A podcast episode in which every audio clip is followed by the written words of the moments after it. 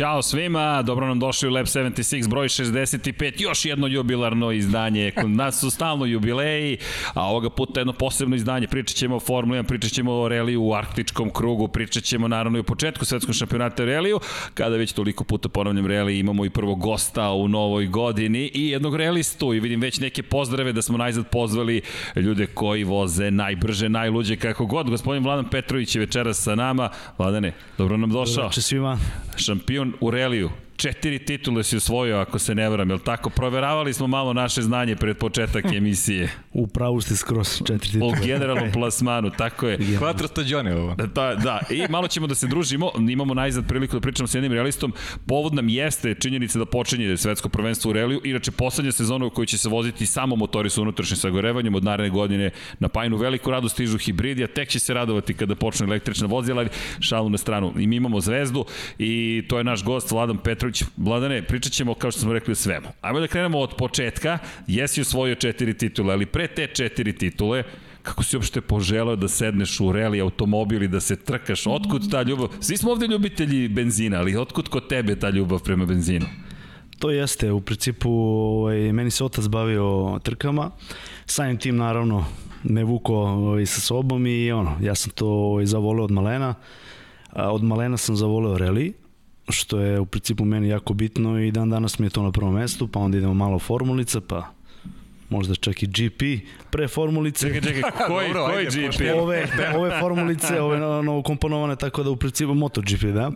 Ovaj, e, broj neću da spominjem odmah, ali ba, u da, MotoGP, baš čudno ali, da, kadar tako da, da, jeste. Pa ne znam šta je, ali, ali u principu stvarno, ovaj, eto, taj, ta neki početak je baš reli, išao sam kao i klinac da, da gledam ne, naše domaće relije, čak i strane, i jednostavno to kad uđe u krv, to je kraj.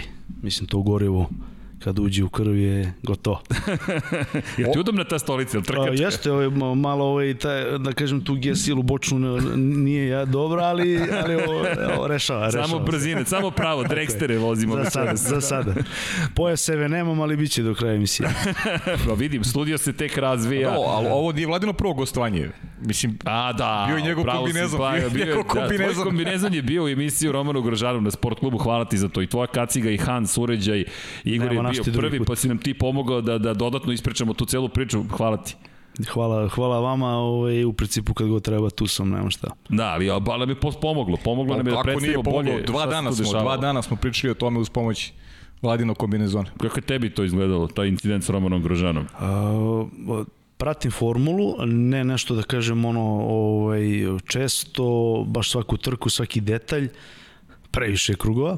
Ovaj, u principu znamo šta će se izdešavati na kraju, ali ovu sam baš pratio i nevjerojatno, ono, bukvalno nije mi bilo dobro i video sam pre vaše reakcije uh, taj udarac, gde mi je bilo ono nevratno, ono stvarno, ono se jednom dešava i svaka čas, sve posle toga je bilo fantazija i za vozača, i za ekipu, i za organizatora, stvarno, ono, sve nas, pa, da. ono je super. Ludilo, da. Ispalo. Da, da. Mm. neminovna je opasnost u automotosportu. Evo, videli smo i, i testiranja su inače za one koji eventualno ne znaju. Sprema se Rally Monte Carlo, otvara e, se sezona. Znaš šta sam teo, izvini, da. ili si imao nešto slično, nalik to, tome kroz, kroz, kroz karijeru, da si sebe u toj situaciji posjetio sebe na neki detalj iz, iz, iz, iz tvoje karijere?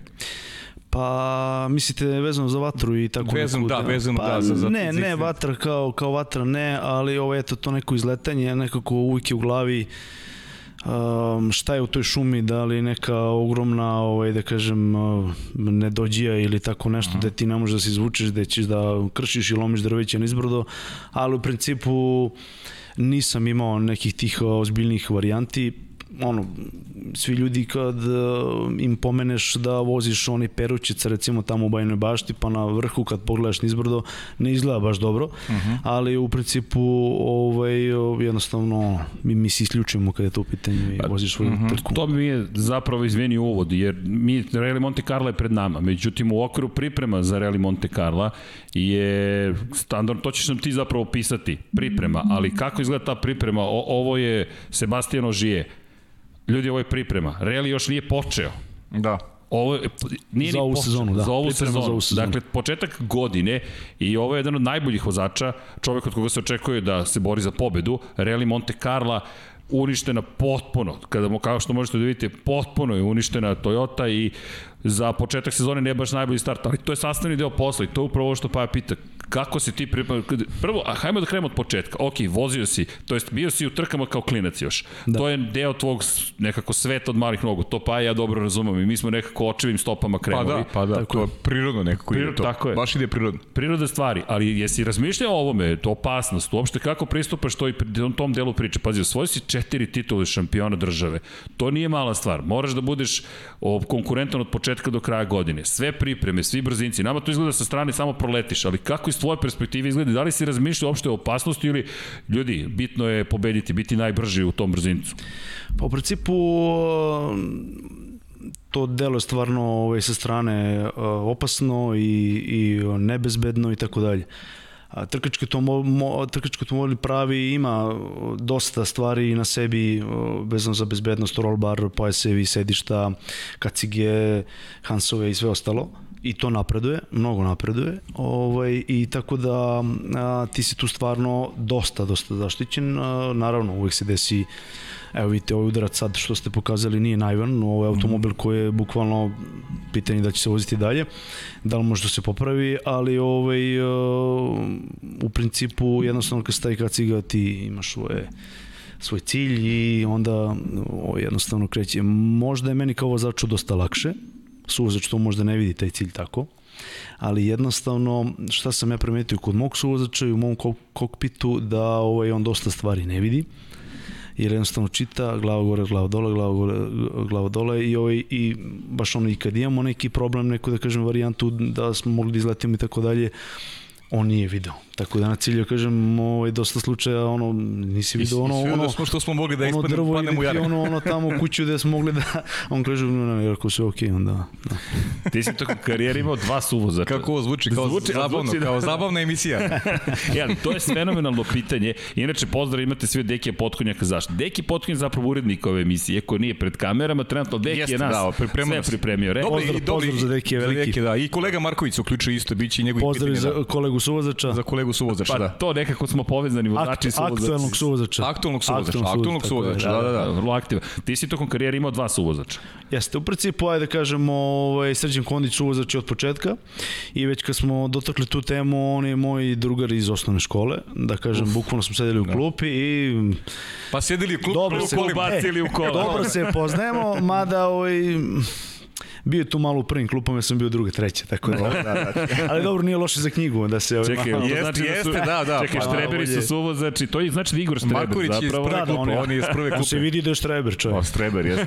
Klasičan, klasičan štreber. Ne dirajte nas, Štrebere, molim vas, ima nas ovde predstavnika, ali Dragan Isilović ti je bio takođe u jednom periodu. I, Tako je, on je bukvalno ovaj, bio meni zamena, što je Srđan mora da osluži vojni rok i ovaj, samim tim on je bio jednu sezonu, da kažem jednu godinu ovaj, zamena i uspešno smo odradili tu sezonu. Nije bilo baš lako, jer ovaj, ja sam već bio u nekom ritmu, a njega dovesti do tog ritma je dosta teže nego ovaj, Srđana koji je već bio tu Čekaj, kako to počinje, izvini, uopšte? Vas dvojice sedite u klupi i ko predloži da on bude suvozač? Pa ja sam u principu imao mog uh, isto jako dobrog drugara uh, koji treba da mi bude suvozač i jednostavno ovaj, do posljednjeg momenta je reagovala njegova majka što je normalno, a ja sam danas otac i nije, nije naivno da ti se kao, idi, čitaj nekom, idi vozi se s nekim, pritom ne znaš, ni, ni početak je, ovaj, klinci, a ovaj, samim tim Srđan je onako isto voleo i sveta automobila, voli automobile, voli delove automobila i tako dalje i onda ovaj, smo se nekako našli, probali, videli da to može i pritom da ne zaboravim, kilaža mi je bilo jako dobra. Mm Šta to znači? Šta da, to znači? prevedi nam to, Dobra bravo, kilaža. prevedi. Da je da. imao 12 kila sa Da, da. sedištem. Sa sedištem, da. se, 60, 60 i nešto kila, što je stvarno ovaj, za suvozača, uvek se traži ta kilaža neka da bude Znači, ja, ja manja. bi bio loš suvozač. Pa, Pa da, ti da. ja, balast. Tanka samo. priča, tanka priča sad. teško. Zavisi ko, koja je snaga vozila. pa čekaj, koju grupu Ma ja, pa, ja bi u tenku mogao budem suvozač. Pa to da. Pa neki VRC možda vas ne bi osetio, ali Da, da, da, ovi da. grupe je ovo dečija vozila ništa. Dobro, u svakom slučaju vi ste krenuli, ali znaš šta mi je zanimljivo, malo pre kada si opisivao da je sve to bezbedno i ja kao, ljudi, nema tu mnogo problema, a onda razmišljaš sada, čekaj, da li bi ti dozvolio sada da tebe neko dođe i kaže, čekaj, idem da vozim reli. Tata, mogu ja da vozim reli, da. Jako je teško stvarno iz te perspektive sad kao otac, ovaj, isto moj sin naravno ovaj, i gleda ovaj, MotoGP sa mnom, tebe, jel? I ti vas, i formulu. Ali ovaj, jako je teško sad da, da ovaj, ja ne teram njega na te stvari, ali ovaj, nije mi baš svejedno. Na neki način. A ovo jednostavno kad voliš, eh, definitivno ja kola volim i pogotovo takmičarske automobile i volim te ove, njihove ove, evolucije i napretke i volim to da pratim i to je to kad je u krvi. Ti si, izvini, krenuo sa zastavom. Jeste, Jugo je po meni uh, jedan najbolji, da kažem, uh, polazni automobil, trening auto, da kažeš da uđeš uh, automobil koji nema mnogo snage, nema neko predobro leženje i tako dalje, znači i ne trpi ni jednu grešku. Uh -huh. Tu u principu to je jedna baš dobra škola jedan dobar početak, ovaj, tako da o, lako je s ovim većim automobilima, bar ima malo više konja, pa ti ako pogrešiš negde možda možeš da se povratiš toku brzinca, ali ovde kad pogrešiš to je onda večnost u sekundama nekim i tako dalje. I ja sam tada jurio jednog našeg velikog šampiona, ovaj koji je već dugo u tome, bilo mi je potrebno dosta treninga, ja to jest Srđan Kondić i ja smo dosta trenirali da bi ušli ovaj, u taj neki ritam njihov, i da kažem ušli smo što mi je bilo drago, ali on. E, zanima me to kad kažeš trening, kako izgleda taj jedan trenažni dan, ajde da ga tako nazovem, i koliko to puta, da kažem, u toku nedelje e, treniraš da bi imao neku formu i da bi, ne znam, naučio stazu, prilagodio se negde automobilu, on tebi i tako dalje? Po principu, e, pred trku jel, e, imamo taj neki trening od bilo bi najbolje nekih 5 dana pred trku. Uh mhm. -huh skoro svaki dan da, da budemo u automobilu, da jednostavno pišemo taj radar, da jednostavno budemo zajedno, da osetimo te neke krivine, da osetimo to nešto što, što zajedno možemo da vidimo, te neke prevoje, te neke krivine jače, slabije, nizbrdo, uzbrdo, e, da kažem drugčiji asfalt, e, gde ima šljunka, gde ima lišća, gde šuma itd. itd. I samim tim kad ti se, kao što i vi sami znate, vozite stalno s nekim, vi se već jako dobro poznajete mm. i onda ovaj, tako posle kad napravimo te neki radar, ovaj, onda je do, na, naravno nama samo da ga na kraju ispuštujemo na trci i to je u principu to što više te vožnje, što više treninga, to je u principu si sigurniji si za, da, za automobilom. Idealan za, za, za trku, onako, da. ono, baš ga znaš na pamet kao... Mm -hmm. Kako, kako zvuči, šta to on tebi tačno govori? Mi to slušamo, ali kako je to zvučalo kod vas? Šta pa najlakše, najlakše da svi ljudi shvate jeste da ti ne trebaš da napraviš neki, uh, uh, da tebi bude najla, najlakše i najbrže da uh, znaš bukvalno svaku krivinu koja ti nadolazi, Uh -huh. tu služi on i jednostavno da bukvalno kada kaže da kažem leva tri jačina da ti aha to je ona znam je onda sledeći bukvalno da, da kao da znaš napamet kao put od posla do od kuće do posla, znaš svaku rupu je, to je ovo, da znaš bukvalno ovaj, brzinac na pamet. Mm. Ovaj, samim tim što ga bolje napraviš, što ga bolje ovaj, usavršimo on i ja, to smo i brži vidi se rezultat, nema šta. I naravno što manje grešaka. Jasno. To je dosta blizak Spot, odnos. Spotre koji sedi pored tebe u stvari.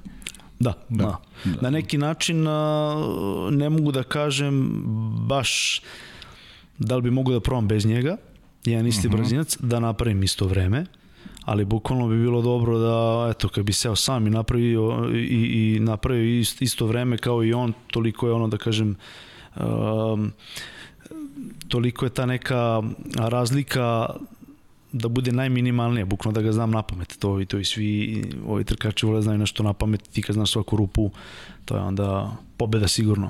A da li te psihički olakšava posao, da ti znaš da će te on podsjetiti, to je da li ti nekako učvrsti to što ti vidiš i što predviđeš da će se desiti, da ti samo potvrdi da je to to, da, da ono što ste uvežbali? To jeste i to je najbolje, ali postoji moment kad bi recimo ćutao, to smo probali recimo neku našu avalu koju svi znamo, ono bukvalno, uh mhm, -huh, dosta puta smo prolazili, ajde malo da učutimo ovaj, jedan krug, vidimo, ajde, kad ovaj, vidim kako to izgleda, A, mogu vam reći da u nekom momentu kogod je znam na pamet zablokiraš. Znaš, da li to sad Da li navika nešto, neka, a? da, dođe ti ne, moment je to. Navika naravno. zvuka, navika Tako tona, je. da ti neko Pa, priča nešto. a, promašiš krivine, misliš, aha, ove dve su iste, u, ček, ček, ili prva ili druga, desi se stvarno ovaj, da, da se malo pogubiš. Uh Mhm. -huh. A sad kad se pogubiš, u principu, ajde uzbrali neko, nizbrano malo možda je problematičnije, u brzini si, nemaš pravo na neku greškicu, ali ovaj, sve u svemu, zato oni služi. E, Koji su tu brzine, izvini, Avala recimo? Pa zavisi je da kažem uzbrdo, ovaj, to su ono 80, 90, 100, 110, 120. Uh -huh. Ali u šumi na uskom je to Da, da, da. 220 negdje na nekom Tako je. autoputu. Tako da, pogotovo nizbrdo, u principu je tu ljudima normalnim eh, najgore ono što ne znam šta dolazi od krivina, a ti to onako voziš kao da je kao da nije krivina. Uh -huh. I onda se svi naravno oduševe ko se prvi put vozi trkačkom autu. jedno pitanje, dok si u krivini, se baviš tom krivinom ili već planiraš sledeći? Pa ja u principu planiram naravno sledeće. Znači izlazi iz te krivine i šta me čeka. Najbitnije je ono šta te čeka. Jer u principu posle neke krivine ti praviš sebi splet da bi bio brz. Znači nije, nije rešenje ući u neku levu, a onda ne znamo šta ćemo posle nje.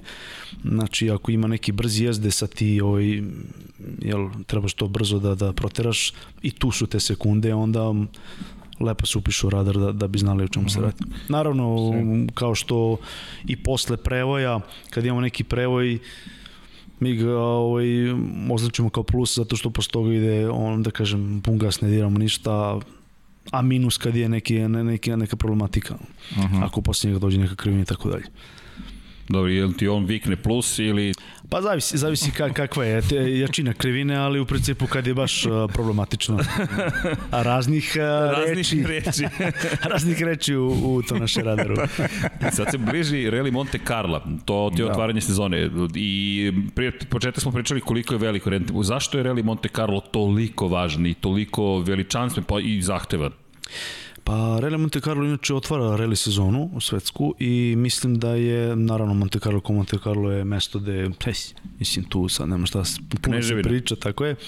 I uh, jednostavno ovaj, taj rally onako, svi bi voleli da ga osvoje. Po meni ovaj, u praćenju, da kažem ono, nikad ga nisam gledao uživo, ali sam ga pratio, o, mogu da vam kažem da je jedan od težih relija i dosta, dosta ovaj, traži, ja ne znam kako se izrazim, svega od glave do, do, do, do, do, do ne znam, tima, do suvozača, do, do spremnost vozila, do toliko rezervi, znači kao što kažem da krećete u rat, znači on mora da, da, da imate bukvalno sve u toj pratećoj ekipi da bi bili ovaj ono sigurni do kraja. Težak je zato što se vozi dugo, čini mi se 3-4 dana i onda je problem što su brzinci, uh, jel, visoka nadmorska visina, ima leda, ima snega. Ne znaš kada će pati, pasti sneg, hoće li ove sezone biti snega ili neće, hoće ovaj, biti leda, kiše i tako dalje. Spremnost sa gumama, spremnost sa, sa svim, ovaj, jednostavno je jako teško odlučiti za terali. Noću se takođe vozi, izvini, Da. i to isto promeni se okolnosti za tijeli čas. Kako što da se spremiš za tu promenu? Ti plan, da li planiraš brzinac, kažeš aha, ovde će biti određeni vremenski uslovi, izbor guma, način na koji ću voziti i odjedno se promeni. Padne ledena kiša, na primjer. U principu uh, prate naravno timovi, ipak su oni profići, prate, prate celu tu situaciju, mada to ne može se predvidi, ja mislim da njima, ne mislim nego mi sigurno, siguran sam da je njima najgori problem uh, jutro jer je jutro ono, kao što vidite lupam danas, uh, jeste kao neki minus, pa hoće u plus, pa neće. I onda ima taj neki što ga oni nazivaju crni led koji se ne vidi, jel, kao asfalt je, a ovaj, voze suvu gumu, da kažem, gumu za, za ono, su, su asfalt. I kako se zove, tu ima problem što jednostavno nema ispajkove, jel? U tom momentu trebaš da odlučiš u to neku brzinu, toj krivini, da li je sad to stvarno led ili nije. I onda ovaj, tu se dešavaju veliki problemi, tu, tu su kiksevi ozbiljni. Do ovih totalki kao što smo videli malo pre na Da, živom autu, živom, ono da. je, ono je jednostavno ti ljudi, verujte mi, taj Monte Carlo sigurno znaju na pamet, pogotovo taj gospodin. Uh -huh. Znači tu je sad ili probano nešto, neki, neki maksimum, nešto de, de, de neka začkuljica gde će oni to da naprave neki najbolji rezultat. Razliku neku. Da. Oži je inače vozač koji ovde o, mora da pobedi, to je garantovano u glavi ono i on je jako brzo ovde ali vidjet ćemo naravno eto ovo i, i reper jedan da on hoće pobedu i to je to. Da a da nije bitno što poznaje stazu da pa nije bitno što poznaje stazu stvarno stvarno uh, na Monte Carlo može mnogo da se pogreši i svakog trenutka. Uh, problem je do posljednje brzinca kad se dođe znači on se vozi bukvalno onako uh, sa nekom pažnjom jel stvarno šta će vozač ispred vas da izbaci da li će kamen da li će šljunak da li će led da li će neko se slupa da li će nešto da vas uspori. To je nažalost to kraja poslednjeg momenta se ne zna na Monte Carlo pogotovo. Noć ne znaš hoće li magla na pola, neće, hoće li led, hoće li sneg, hoće li, hoće li šta. Da, 14 brzinaca ima ove da. godine Monte Carlo. Da. I najbolji opis je koja je površina? Mešovita. ja, I to je pitanje kako je nazvati. Znači, ovo je sad stvarno, da, baš mešovita. Um, takmičari kad stavljaju gume imaju da odluče, znači, ja sad ne znam da li je krug sa dva brzinca ili tri, ali nije ni važno. Ovo je jednostavno on sastavlja gume i vozi ta neka dva brzinca koja ja mislim da nisu kratka, nego su fino dugačka i jednostavno tu dolazi do promena, znači ovo je brdo ovako, ono sledeće brdo je možda klizavo ili sunčano i tako dalje i onda dosta tu grešaka može se napravi kod njih, ali ok, to je sad, to je trka, to je reli. Da, i kad pričamo o Žijevu, o Žije pobede beleži praktično iz godine u godinu. 2019. 2018. 2017. 2016. 2015. 2014. Tek 2013. nije pobedio i to Sebastian Leb, koji je do tad da. vladao, manje da. više. Po principu, eto, tako sam i rekao da on ono, mora da pobedi, ali ovaj, tu se stvarno nikad ne zna zato što je dovoljno da imate jedan defekt na gumi i to je kraj. Na, mm. Nažalost, to ne govori kakav ste vozač, on stvarno može da ima, može da bude jako brz i da zna sve na pamet i da mu možda ne treba suvozač i da, ne znam, ima najviše budžet, ali ako je probušiti jednu, jednu jedinu gumu, Da. A kolega iza vas e, samo prati tu vašu neku vožnju s nekim sekundama, to je onda kraj. Tako je. Nažalost, to je tako. I to je naj, najgrđi po meni. Uh mhm. -huh. Kada to najviše boli, taj pored. Da, ja sam boli. nekako, izvinjam se, prekidam, mm -hmm. um, smešno delo, ali volao da zaobiđem te neki kamen koji ti neko ovaj, izbaci ispred tebi i tako dalje, ne bili probušio tu gume, znam šta me čeka. Nekako sam um, razmišljao u tom smeru. Možda delo je malo onako čudnije, malo kao opreznije, ali nekako kad saberem, u tom trenutku i setim se, znači ako probušim gumu, da ili moram da vozim do kraja s probušenom gumom, a ona pravi probleme dalje na felnu, na kočnice, na krila, na rub, na itd. Mm -hmm. itd. na ramena, na spone i tako dalje, onda će biti gore nego da ovaj sam uradio neki manevar gde sam izgubio sekundu, dve, tri, pet. Ali ti si dešavalo? Ti si dešavalo? Jeste, jeste, jeste. I to sam na jugu naučio, onako, jednostavno, kad, jel, iza, iza neke krevine vas, vozač pre vas izbaci neki kamen i se ne može da reaguje, ja sam onako opušteno preko njega, nije kao problem, u stvari nastoje problem onoliki. Znači onda desilo se jednom, dva put, nekad ne možete da izobiđete, da. ali nekad kad možete, kad imate šanse, zaobiđim ga. Delo je um, čudnije kao ajde ne vozimo se po gradu, nego smo ipak na trkama, teraj to, volomi, nema tu na šta, mhm. -huh.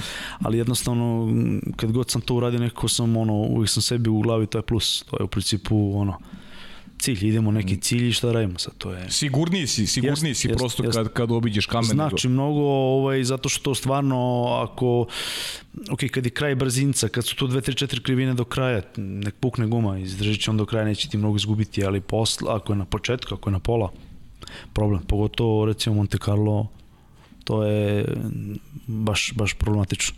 Pritom i ne može da stane tamo Monte Carlo menjati, nije sad to autoput sa šest traka, pa ajmo desno, da. pa to brzinski da menjamo i tako dalje.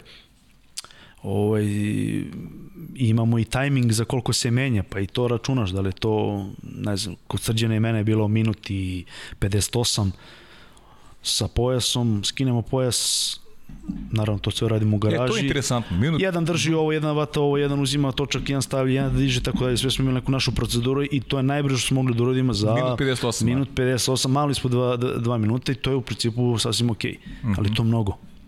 I to su uslovi kući. Da, da, da, na trci, da li si uzbro, da li si nizbro, da si u blatu, da li si... da, da, položaj automobila tada u tom to, trenutku. To da. verovatno neće bude dobar položaj. Da. Tako da je, Jasno. ovaj, mada ga mi biramo kad, kad da li pukne guma, ali opet eh, ja sam od tih vozača da vozim do kraja. Nekako mi je ono, sporije, sporije ću voziti, koliko toliko mislim manje izgubiti, ali samo pitanje kad je pukla. Uh -huh. Rally zapravo disciplina kao i svaki automotosport detalja. Da. Detalje. To su Jasne. detalje o kojima mi ne razmišljamo. Mi gledamo tebe sa strane i ne razmišljamo o tome da si Pa ti da. video kamen i kažeš čekaj, sad ovaj kamen košta će me za pet krivina ili će me koštati ceo brzinac, a to su detalji koje niko ne vidi osim tebe. Verovatno čak ni suvozač kao što si rekao na kraju ne Da, vidi. da, pa dobro, isto ovaj, suvozači su ljudi koji ne moraju da se razumeju kola, ne moraju da se da, da, da, da, da vode računa o tim nekim stvarčicama. Samim tim tu je vozač koji vozi i osjeća to sve. Evo, malo smo skočili, ovo nije Jugo. Nije, Nije. Čak i ne liči.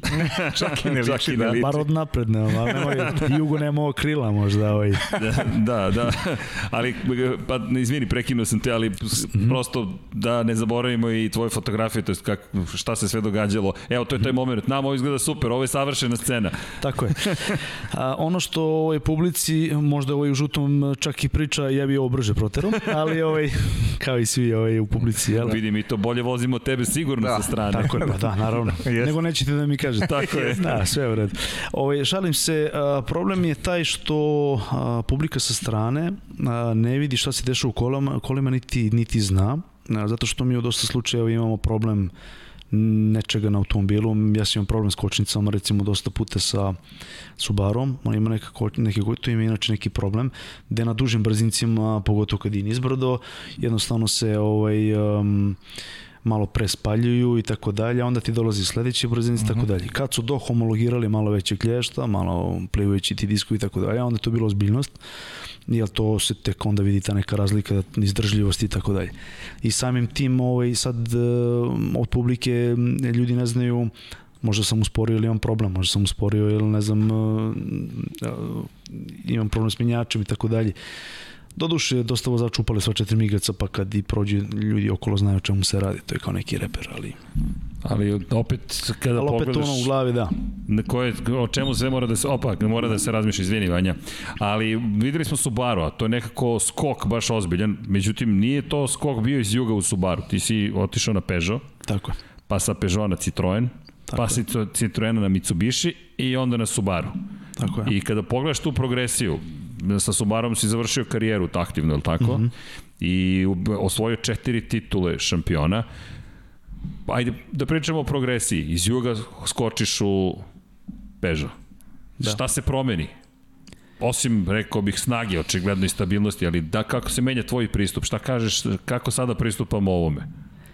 A, ja sam primetio da recimo, i to mi se sviđa, recimo kad dostigneš neki nivo u nekom automobilu ili klasi, a, kreće polako ti dosađuje i brzina i možda leženje i nekako imaš više vremena u kolima. Baš bukvalno tako. Ja ti se imaš uspori sve što se događa više, oko Da, tebe. da, onako bukvalno kreće ovaj, usporava i onako imaš više, više vremena sad, sve ti nešto traje i tad vidiš da si možda već za jednu ovaj, stepenicu, da višu i samim tim manje više tražiš ti brzinu i bolje ležanje i bolje kočenje i tako dalje. To sve dobijamo jel, u sledećim fazama. A, samim tim Peugeot 106, taj sledeći automobil je isto ovaj, trkački nastrojen i jednostavno ima tu oznaku rally, o, ne slučajno. I jednostavno auto ima neko specifično ležanje, specifi, specifičan način vožnje koji se meni ovaj, jako dopadao. Taj zadnji kraj zbog tih nekih tulja, katorzija je bio malo krući i jednostavno ovo će da pobegne onako deluje kao da imati zadnju uču i jednostavno tako kad te nauči na te neki režim vožnje, jako je zanimljiv. Ovo deluje opasno, ali ja, ja, jako se lepo vozi automobil i, ovaj, i lepo koriguje. Nije on Mhm. jako da, strašan kao jugo, jel, kad ti po, pobegne iz ruke ili na, na, na, iz, iz krivine, onda ne možeš da ga savladaš, jel, ako čudan malo na, na trapu, što znamo svi, jel? Ali dobar automobil Da, ko nije, ko nije vozio Da, da. Juga za ovim stolom, ne može za sto ko nije vozio Pa Juga. nema, nema ko, ko nije vozio Ko Juga. ovde eto. nije vozio Juga? A, sa, a samim tim u principu ovaj, uh, stvarno je dobra škola Jugo, ali naravno i dalje Ali-. Peugeot je škola, jako me nervirao taj auto kad sam krenuo da ga vozim, ja sad si na, imao neku naviku, znaš neki tvoj maksimum mm -hmm. špice da možeš onda sad s ovim to već je malo hm, fa, ne smeš možda ovo nije to nije to leženje i tako dalje onda sam malo u početku bio ono nije mi baš bilo sve jedno, mada posle kad se uhodaš isto naravno ovaj, Pa sve Jako praksa, dobro sve automobil, praksa, da. da. Citroen Xara naravno ide kasnije kao sledeća klasa, jel? Um, jako podsjeća na Peugeot 106, samo što je malo veći automobil. Malo se više putuje, putnički. Šalim se, naravno. I ovaj, jednostavno on ima neke svoje o, o, dobre stvari, prednosti, naravno brži, bolji kroz krivine, bolje leži. Kakvi su bili rezultati? Rezultati su bili ok, a konkurencija je bila ovaj, naravno isto dobra, korektna. Ja u principu sam takav neki vozač da volim da imam konkurenciju, neka je to jedan čovjek, ali da imaš neki cilj da se s nekim, jel, da imaš neki Da stvarno... se takmičiš neki? Da, se takmičim, jednostavno nisam volao da, čak sam i nezadovoljan kad izađem da, ovaj, da dobijem pehar kao za neko prvo mesto, a m, okolo nema nikog ili su odustali ili, mm. ili, ili ovi nisu vozili, tako da mi ono, lepše mi je kad pobedim nekog. Da, kad se takmičiš s Pa da. pa da. Pa sigurno da je, da je jači doživlja i, i sebe testiraš tako na, na, na, na pravi način. Šteta što nije bio Loeb neki ili tako neki Da. tip da, da, da objasnimo. A, k- a kada su počeli prvi uspesi iz perspektive titula? I iz perspektive možda prilaska tituli? Po principu uh, Jugo je taj gde sam se ja pojavio od nekih lupam 10, 12, 13 automobila gde su eto sigurno prvih 10 fino vozili i fina vremena imali ovaj, gde sam se pojavio u tih prvih tri i gde mi je bilo onako već to je to, znači tu ti, čim si u prva tri, znači tu je i negdje i prvo, ali uvijek je to bio neki pehić i tako dalje. Jugo kao Jugo, jel? To sam te malo preizvini da, da. pitam, ko ovde za ovim stolom nije popravljao Juga? Ma da, Da. pa da. To je, to je neka dizna, neka, neki karburator, neka razumna kapa i tako dalje. Ali ovaj naravno 106 je isto tražio neku ovaj o, dobru vožnju da bi bio na na postolju i o, odatle to i krenulo. Tu sam i bio u prvoj klasi, jel? Ksara zatim isto ovaj, uspešna varijanta, mada je taj automobil a, ima dosta nekih kvarova i tako malo ti je, ovaj, nije ni to baš bilo rešenje idealno. E onda su došli Mitsubishi Subaru gde su to već to prava trkačka kola. To sam te da te pitam, Evo šestice, ali tako? Da. Izašli iz garaže Baumschlager Austrija, m, i dalje aktuelna garaža gde se prave ovaj, sklapaju ozbiljna vozila. Bio sam tamo jel, na 2-3 dana, imao neke testove i u principu sam primetio i video i dosta naučio kako se to radi i samim tim sam ovaj samo nastavio taj njihov neki put gde sam ovaj ono u- uvideo dosta stvari stvarno. To je Mnogo sam naučio. 2005. godina, Da. tako? Da. I koja je sada razlika između Citroena i Skoka u Mitsubishi? Velika, velika razlika, uh, ovo su sve bili atmosferski motori, ovo je sad uh, motor sa jel, turbino, turbopunjačem, gde jednostavno menja režim vožnje, režim nekog razmišljenja skroz to je meni bilo nevratno sve si kao ideš u neke obrte s ovim kolima manjim, jel, Jugo, Peugeot i to nešto, 6, 7, 8 miljada i tako dalje, odjednom dolaziš automobil da ga voziš i, kako mi kažemo, šaltaš brzina 3-4 hiljade, to je sad ono kao da, što, kažem, idemo na neku pijacu, opušteno, onako, opušteno to deluje, nada ti automobili imaju brzinu, stvarno, ovaj, to mi je neko bilo čudno, nisam mogu da se uklavirim u početku, ali jednostavno Austrijanac je rekao taj auto se uzi tako, to je maksimum, tad se šaltuje, tad se koči, to je to, pa uđi u to. Jednostavno malo sam se okrenuo i ovo jednostavno ovaj video video da to mora tako, inače drugačije ne može. Uh -huh. Ali veliki mi je skok bio. Isto, da naučim. Imao je jako tvrdu kočnicu, čekaj stisati kao u zid. Ja sam rekao, ono što nije u redu, nemoguće. Sam ja imao taj stil neki da držim kočnicu i, i da doziram gas, a onda sam iz toga premestio se da sam i trenirao da kočim levom iz tog razloga i tako da mi je to ostalo nekoj navici kočim levom nogom. Ovaj, um, da eto malo dobijem nekim nekom vremenu. Dobro, spreman si za Da, Formulu da, da. 1, kočenje Tako, levo. Da, da, da, to je tako je, da. Igrice, recimo, jel? Na igrice, Igrice? Da, pa da, da. Sad na igrice, da. Sad si, polako, evo ovde specijalno izdanje. Izašla je Sony petica, pa stiže i novi Gran Turismo, jedno po jedno. Polako. Ali da. jesi promenio, jesi u kontekstu toga i menjao način na koji se pripremaš, kako su ti bile pripreme, da li si vodio računa o ishrani, da li si, se, da li si trenirao ili si se držao nekog drugog plana? Pa Da u bude- principu da, ovaj, taj neki uh, fizički trening je uvijek uh, potreban, neko trčanje, neka bicikla, nešto vezano za, za, za ovaj, tu, tu vrstu sporta. A, jednostavno, kogod vi sedite u kolima, držite u volan i nemate neku jel, ili silu i tako dalje, mnogo je bitna psiha i ovaj, ta neka fizička sprema, jel ti to stvarno daje, ti, ja pored neke vožnje imam a, i timski rad, Znači šta će me čekati u boksu posle ta dva, tri kruga, šta ćemo da menjamo, šta nećemo, šta ćemo da proverimo. Um, nekako nisam bio u pravom timu, kao što je Ožijeo recimo, pa da ima ko će da misli o tome, nego jednostavno mora to ja da radim sve. Mhm. A, jel, ta, takvi su uslovi i naravno dosta naših vozača taj sistem rade ovaj, da jednostavno same vode brigu i gde će da, kad ćemo da sipamo gorivo, koliko imamo goriva, kad obiđemo krug, koliko potrošimo goriva. Um, ajde u ovim malim klasama nisam imao tih problema. Kad sam došao u Mitsubishi Subaru, to su automobili koji su mnogo trošili goriva. Ovaj, jednostavno to je od 50 do 100 litara na 100 km, to je strašno. To je stvarno 10 puta više nego normalno neki auto. I onda jednostavno ovaj, uvijek se merilo koliko kilometara brzinaca, ovaj, toliko će da, ovaj, jel, toliko ti troši auto. Znači, ono, i tako onda napravimo neku računicu, matematiku, koliko sipamo, šta sipamo, gde sipamo. Posebno sipanje je bilo, posebna ta pompa, to nije kao kanister pa ti sipaš na normalno, nego moraš da organizuješ baš a, tim tvoj da te sačeka. Znači, jednostavno ne možeš, ne smeš da ostaneš bez goriva jer je završiš trku. Pa čekaj, A to, možeš da ostaneš. to ono što si pričao, što smo pričali pre emisije, što je isto zanimljiva tema vezano za pripremu. Sam si, ono, nabavljaš i gume sam, baviš se bukvalno svime što ima veze sa tvojim automobilom, pa smo pričali koliko je teško bilo u nekom periodu i da nađeš adekvatne gume Jeste. za trku koji su skupe, a opet nisu ovaj nisu dostupne bilo u nekom periodu, ne samo tebi, nego generalno našim vozačima. Jeste, to je veliki problem bio, bar meni, a verovatno i svima. Um, imati četiri nove gume, startovati reli ili ti brzinac, to je ono oduševljenje i tad si da kažemo i najbrži i najbolji i sve ti ide, jel? Mm, Nažalost, ne traju dugo. To je taj jedan krug. Ako se stvarno borimo za neko pravo prvo mesto sa pravim kako se zove konkurentima, strancima, jel kad dođu Bugari, Rumuni, Hrvati i tako dalje. I onda jednostavno o, to je bilo jedan set guma za taj jedan krug. Znači to moraš da ispoštuješ. Nikad nismo mogli da ispoštujemo to. Znači ja, neki moj maksimum je bilo da ti izdržiš 2-3 dva, dva, dva, tri kruga sa gumama, jel, 2-3 seta guma, to je neki maksimum duše moj bio. Ok, imali smo sponzore, ali to uvijek bilo onako minimalno.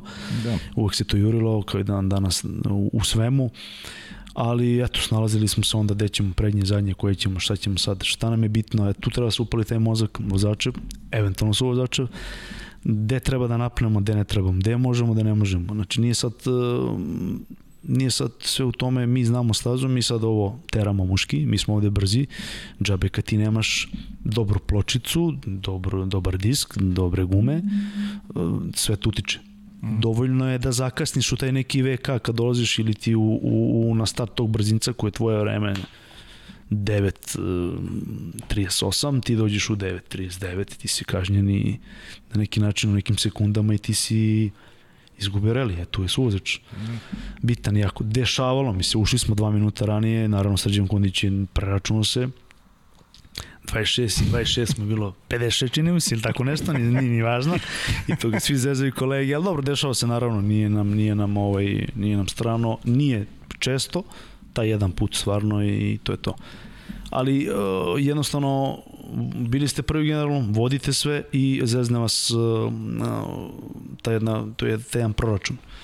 Baš je onako, nije baš da, da ga primiš k sebi da je to u redu, znaš. Bolje da smo se izleteli, bar nešto smo radili da se nešto muški desilo, ne ono kao 2 plus 26. Tako da, ovaj... A ovako, čista delo, izvini, delo je kao ona čista ljubav. Više te nekako, kako bih rekao, trošiš i, i novac i energiju i sve za ono što voliš, za, za ljubav neku. Tu su redko neki sponzori koji mogu da zakrpe sve neke tvoje potrebe i ne samo tvoje, nego, nego većine reli vozača, makar na nekim mojim prostorima, ajde uži možda prostorima, da, da ne idem e, dalje na neke teritorije koje ne poznajemo. E, odakle crpiš tu neku, tu neku ljubav, tu energiju koju imaš prema, prema onome što voliš, a znaš da u principu da to onako koštate i, i kažem i sredstava i negde e, živaca na uštrb ljubavi koji, koji imaš prema, prema sportu?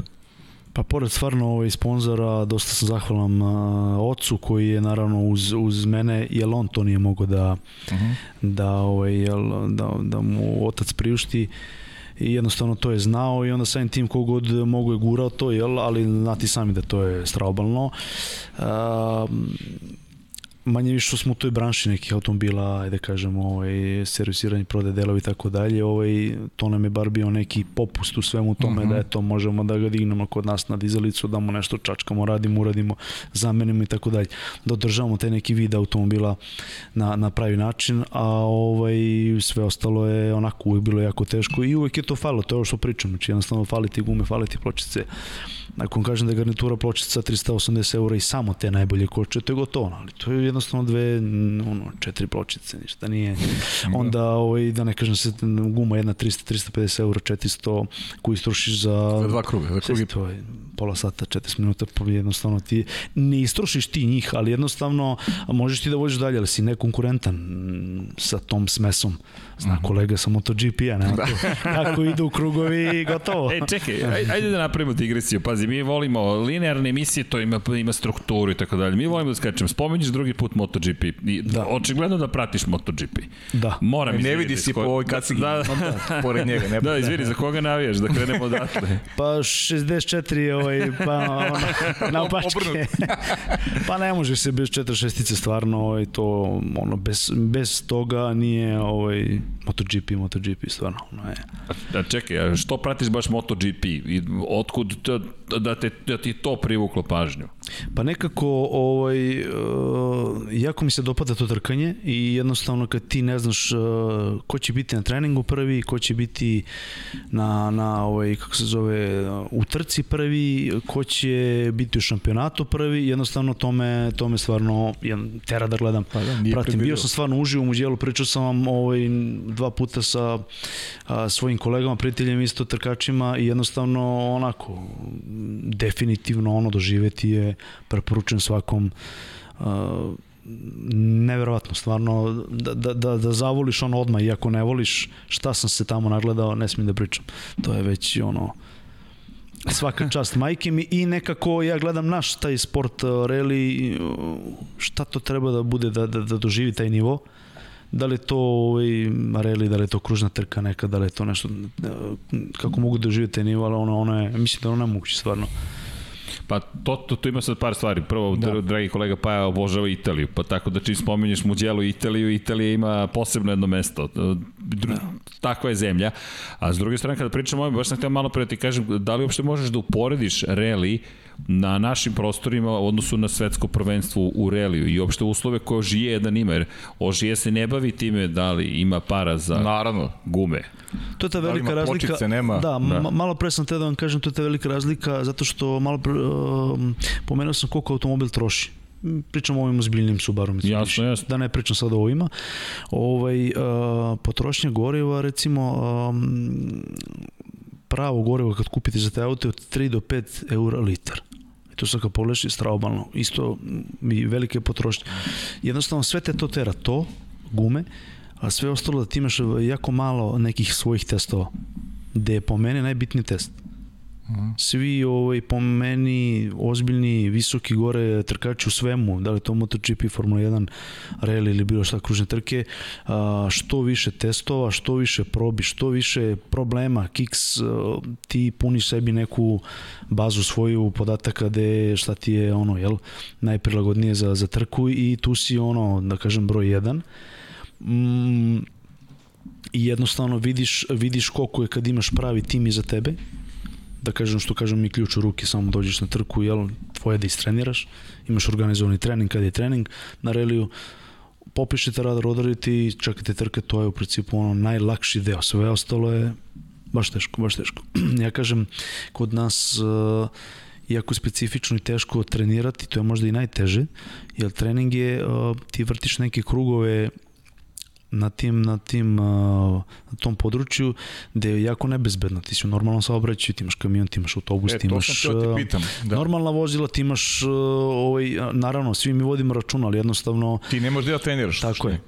I jednostavno ti moraš da treniraš taj put koji ćeš voziti. Mm. Da li je to sad, ajde da kažem, avala. Znači, taj krug na avali ti moraš da vrtiš i da ga što bolje upoznaš, ili tako? U navali može ti se desiti šta? Šleper motor u kontrasmeru, Da. uh, vojnik na pola avale tamo nešto tra... Da. i sve to, životinje itd. itd. To su sve neke, tu, tu po, po meni je naj, najteže u reliju neki način ta priprema pred trku. Trka nekako najlakše ti dođe onako, ono, sedneš, voziš, vežeš se kad ciga, sve ti je tu zatvoreno, jel? Star cilj imaš izvoli, napravi vreme i slobodan si.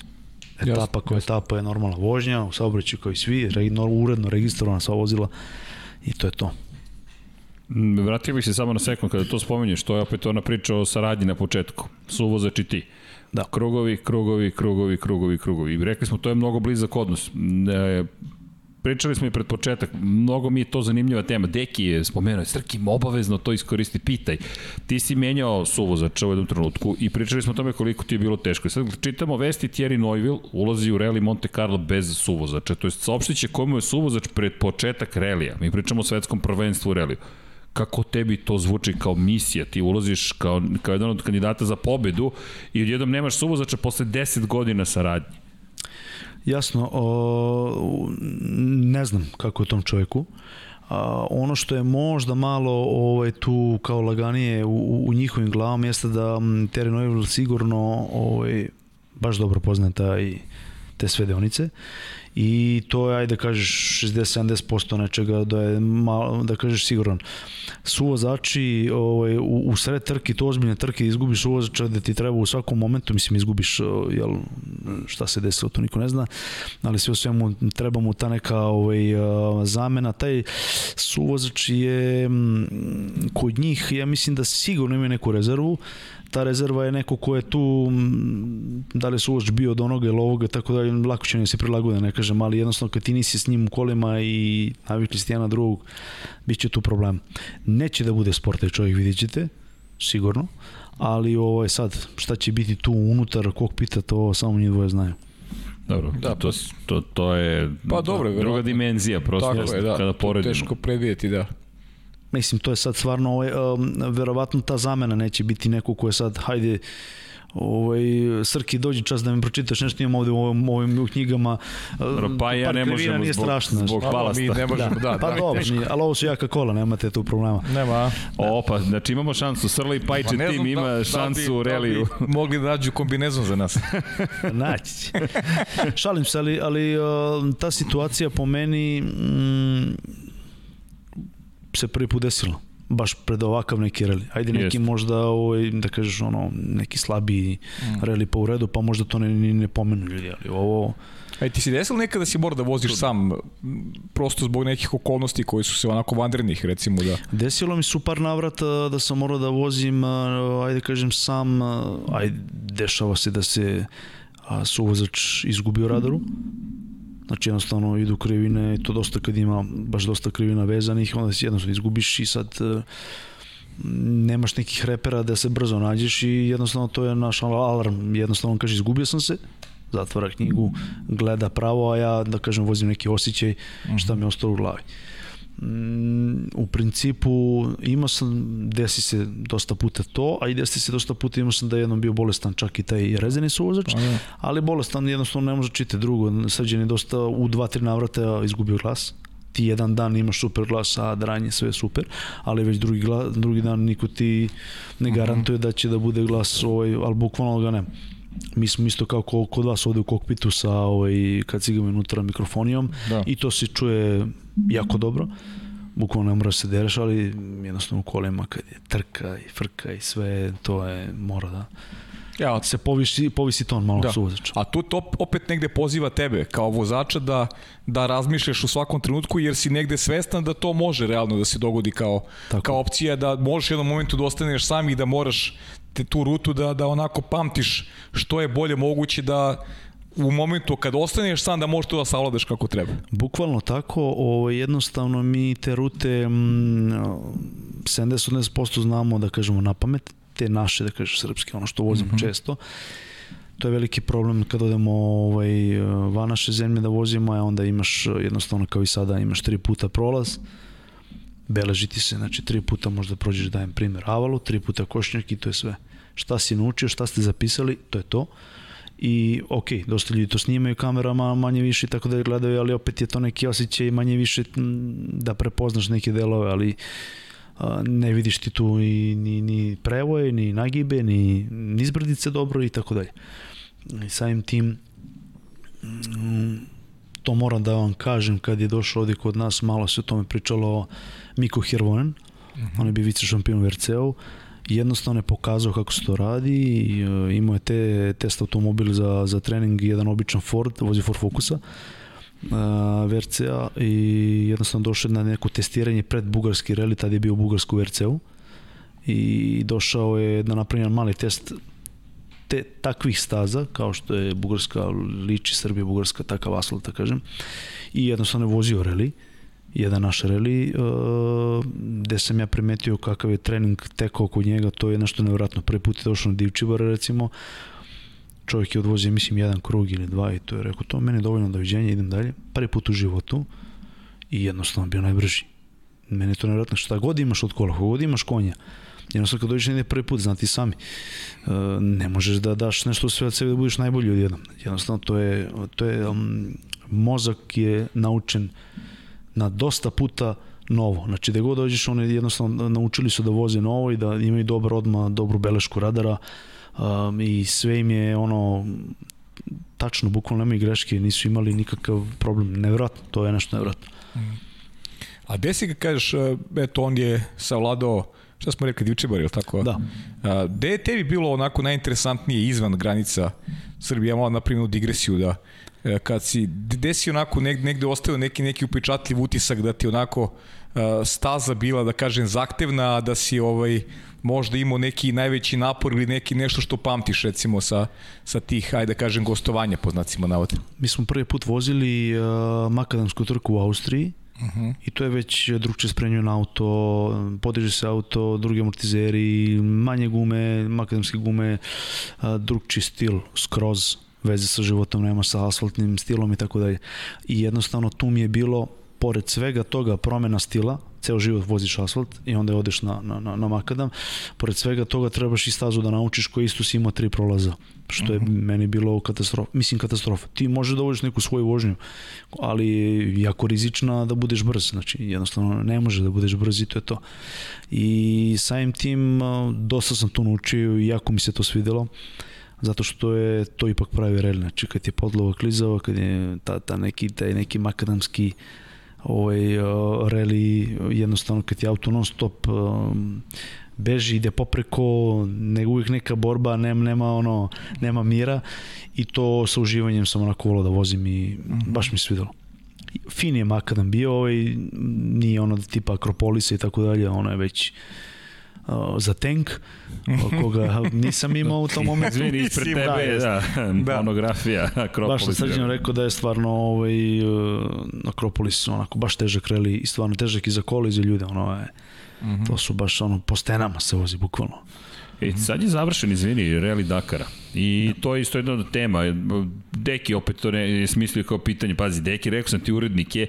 Jest. I pitao je, pitanje njegovo je bilo zapravo da li ti djeluje kao klasičan reli ili je ono avantura ili je nešto između. Šta je Reli Dakar zapravo?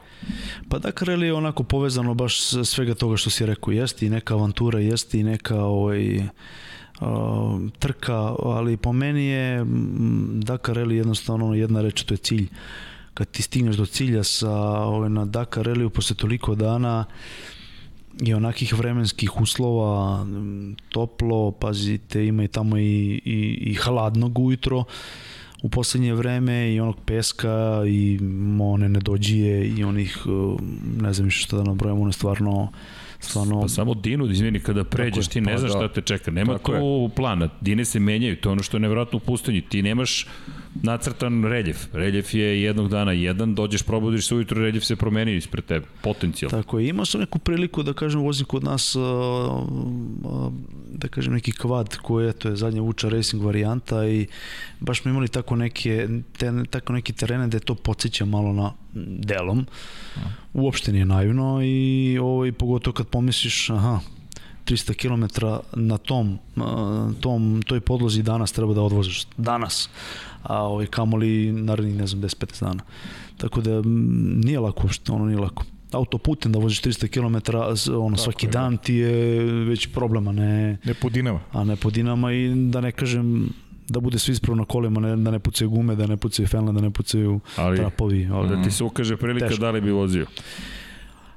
Pa E, na pola pola sam, ali probao bi. Probao bi. probao bi, ali jednostavno ne bi mogao sa mojim suvozačem Srđanom Kondićem nego bi probao i baš sam razmišljao o tome da jednostavno suvozač koji je tu bio mm, i vozio Dakar dosta puta A, ima, da ima iskustvo. i ima to Dakar iskustvo, e, mhm. takav nam neki treba koji jednostavno, koji će te navesti na to, to nije više samo čitanje, to je jednostavno Da, da. i kuda ćemo, i gde ćemo, i šta ćemo i kako ćemo. Da, baš je- baš je da, pro- da ne budete dvojica koji nemate, koji nemate iskustvo. Ali mislim da je tu isto ono mnogo, mnogo važan suvozač. Tu je baš onako, tu Mhm. promašiš dosta, malo promašiš, pardon, ovo to je, to je gotovo. Zajedno ste osvojili, pomenuli smo to četiri titule. Kad su počele titule da se ređaju? Pa u principu titulu se ono ređile ovaj, toj većoj klasi da kažem s Mitsubishijem, ovaj, Subarom i u principu ono, već kad smo malo ušli u štos posle svega imali smo neki jel, i ritam i ono, iz godine u godinu si se usavršavao i išlo je to dosta dobro. I to je generalno Sam- plasmanu priča. Tako je, tako je generalni plasman, da kažem, najveća klasa i to je to. Naravno, bili smo i prvi u klasi u Peugeotu i, i sa Peugeotom, tadašnja je N2 klasa, ovo je već N3, posle bio ovaj, Ksara i isto okej, okay, naravno. Zadovoljan sam bio i tada, Mhm. nisam, nisam nešto ovaj, bio razočaran. Šta ti skromnost? Ko Čekaj, skroman, da. skroman A- potpuno. A kaži Lalo, koja, koja titule. ti je titula najdrža? Ili ima neka posebna onako značaj u smislu konkurencije, momenta ko, koji si osvo, kada si osvojio i nešto slično? Pa svaka titula je onako na svoj način. Jednostavno, opet kažem, da li je to da si se ti trko s jednim, jednim još autom ili dva, ako, su, ako je on dobar, uh -huh. a bilo je takvih naravno, to su sekunde u pitanju, to su ovaj, stvarno onako, ne, ne, ne, nemaš pravo na grešku i tako dalje. Pazi, to je reli opet, um, um, isto se vozi u par sekundi, kad pogledaš i sam formula se vozi još malo pa kao još gore nego reli, znaš, ono, ovaj, da. p- razlika prvog i, i petog je ono, ozbiljne sekunde. A na reli ume to da bude čak i sekunda, posle dva dana, dve, tri, ono, 0,5, dešava se stvarno, da duše redko, ali, ali eto, meni je recimo to uvijek bilo neverovatno da se dva različita automobila trkaju i na kraju se bijete u 5 sekundi. Znači, posle ono 15 brzinaca. Neverovatno da, da, da ste tako blizu, da nije to pola minute, minut, dva i tako dalje. Pa verujem što je- Mnogo grešaka može se napravi na, na, na t- takvim podlogama. Ali verujem da je što je manja razlika da ti je titula draža. Da, da. Uvijek. Logično. I jednostavno ja tako gledam, pomenu i kod kolege Srđana na MotoGP. Ako su oni u sekundi prvi 10, znači 10 je po meni prvi. Da. Mislim jednostavno i on je prvi. Li je to sad naš eh, Čiča Rossi, nema veze, svaka mu čast, ali on je prvi 10, znači on je, nije Čiča više, i dalje nije Čiča, Da. nego jednostavno on se bori, to je, to je, to je delić neke sekunde stvarno, to je, to je tako neka, to možda bude i guma, to možda bude i trap, to možda bude i ne znam, stvarno neka baš, baš sitnica. Pazi, on ima preko 40 godina. Kako tebi s godinama išlo? Jesi primećivo neke razlike od onoga kad si počinjao i E, kada si završavao karijeru? Pa u, pri, u principu, u principu i ne. Ali opet ne možemo da poredimo mi ovaj sedište i volan i, i, i Motor. I- i metl, je- i metl. Da, da, motor je, videli ste, motorciklisti su sa građom neverovatni flis papiri, jel? Kao što je i Novak Đoković na tenisu i tako dalje, to je sad neka, da kažemo, moderna građa nova ta, ali je gumena, što ja nazivam. Nas dvojice imamo, moderna, to da, imamo. To je, to je baš to, to sam teo da vam kažem. Nama se Čudna- razvukla malo čudna- guma. čudna građa, čudna Ne, ne, mi građa. smo pod većim, većim atmosferskim pritiskom, A, samo zbog toga. Da kažem biciklistička građa, a, zato što jednostavno to traži taj, ta, ta vrsta sporta. A, naravno u reliju to može malo da i popusti, u isto auto nekim trkama, ali jednostavno to je tako.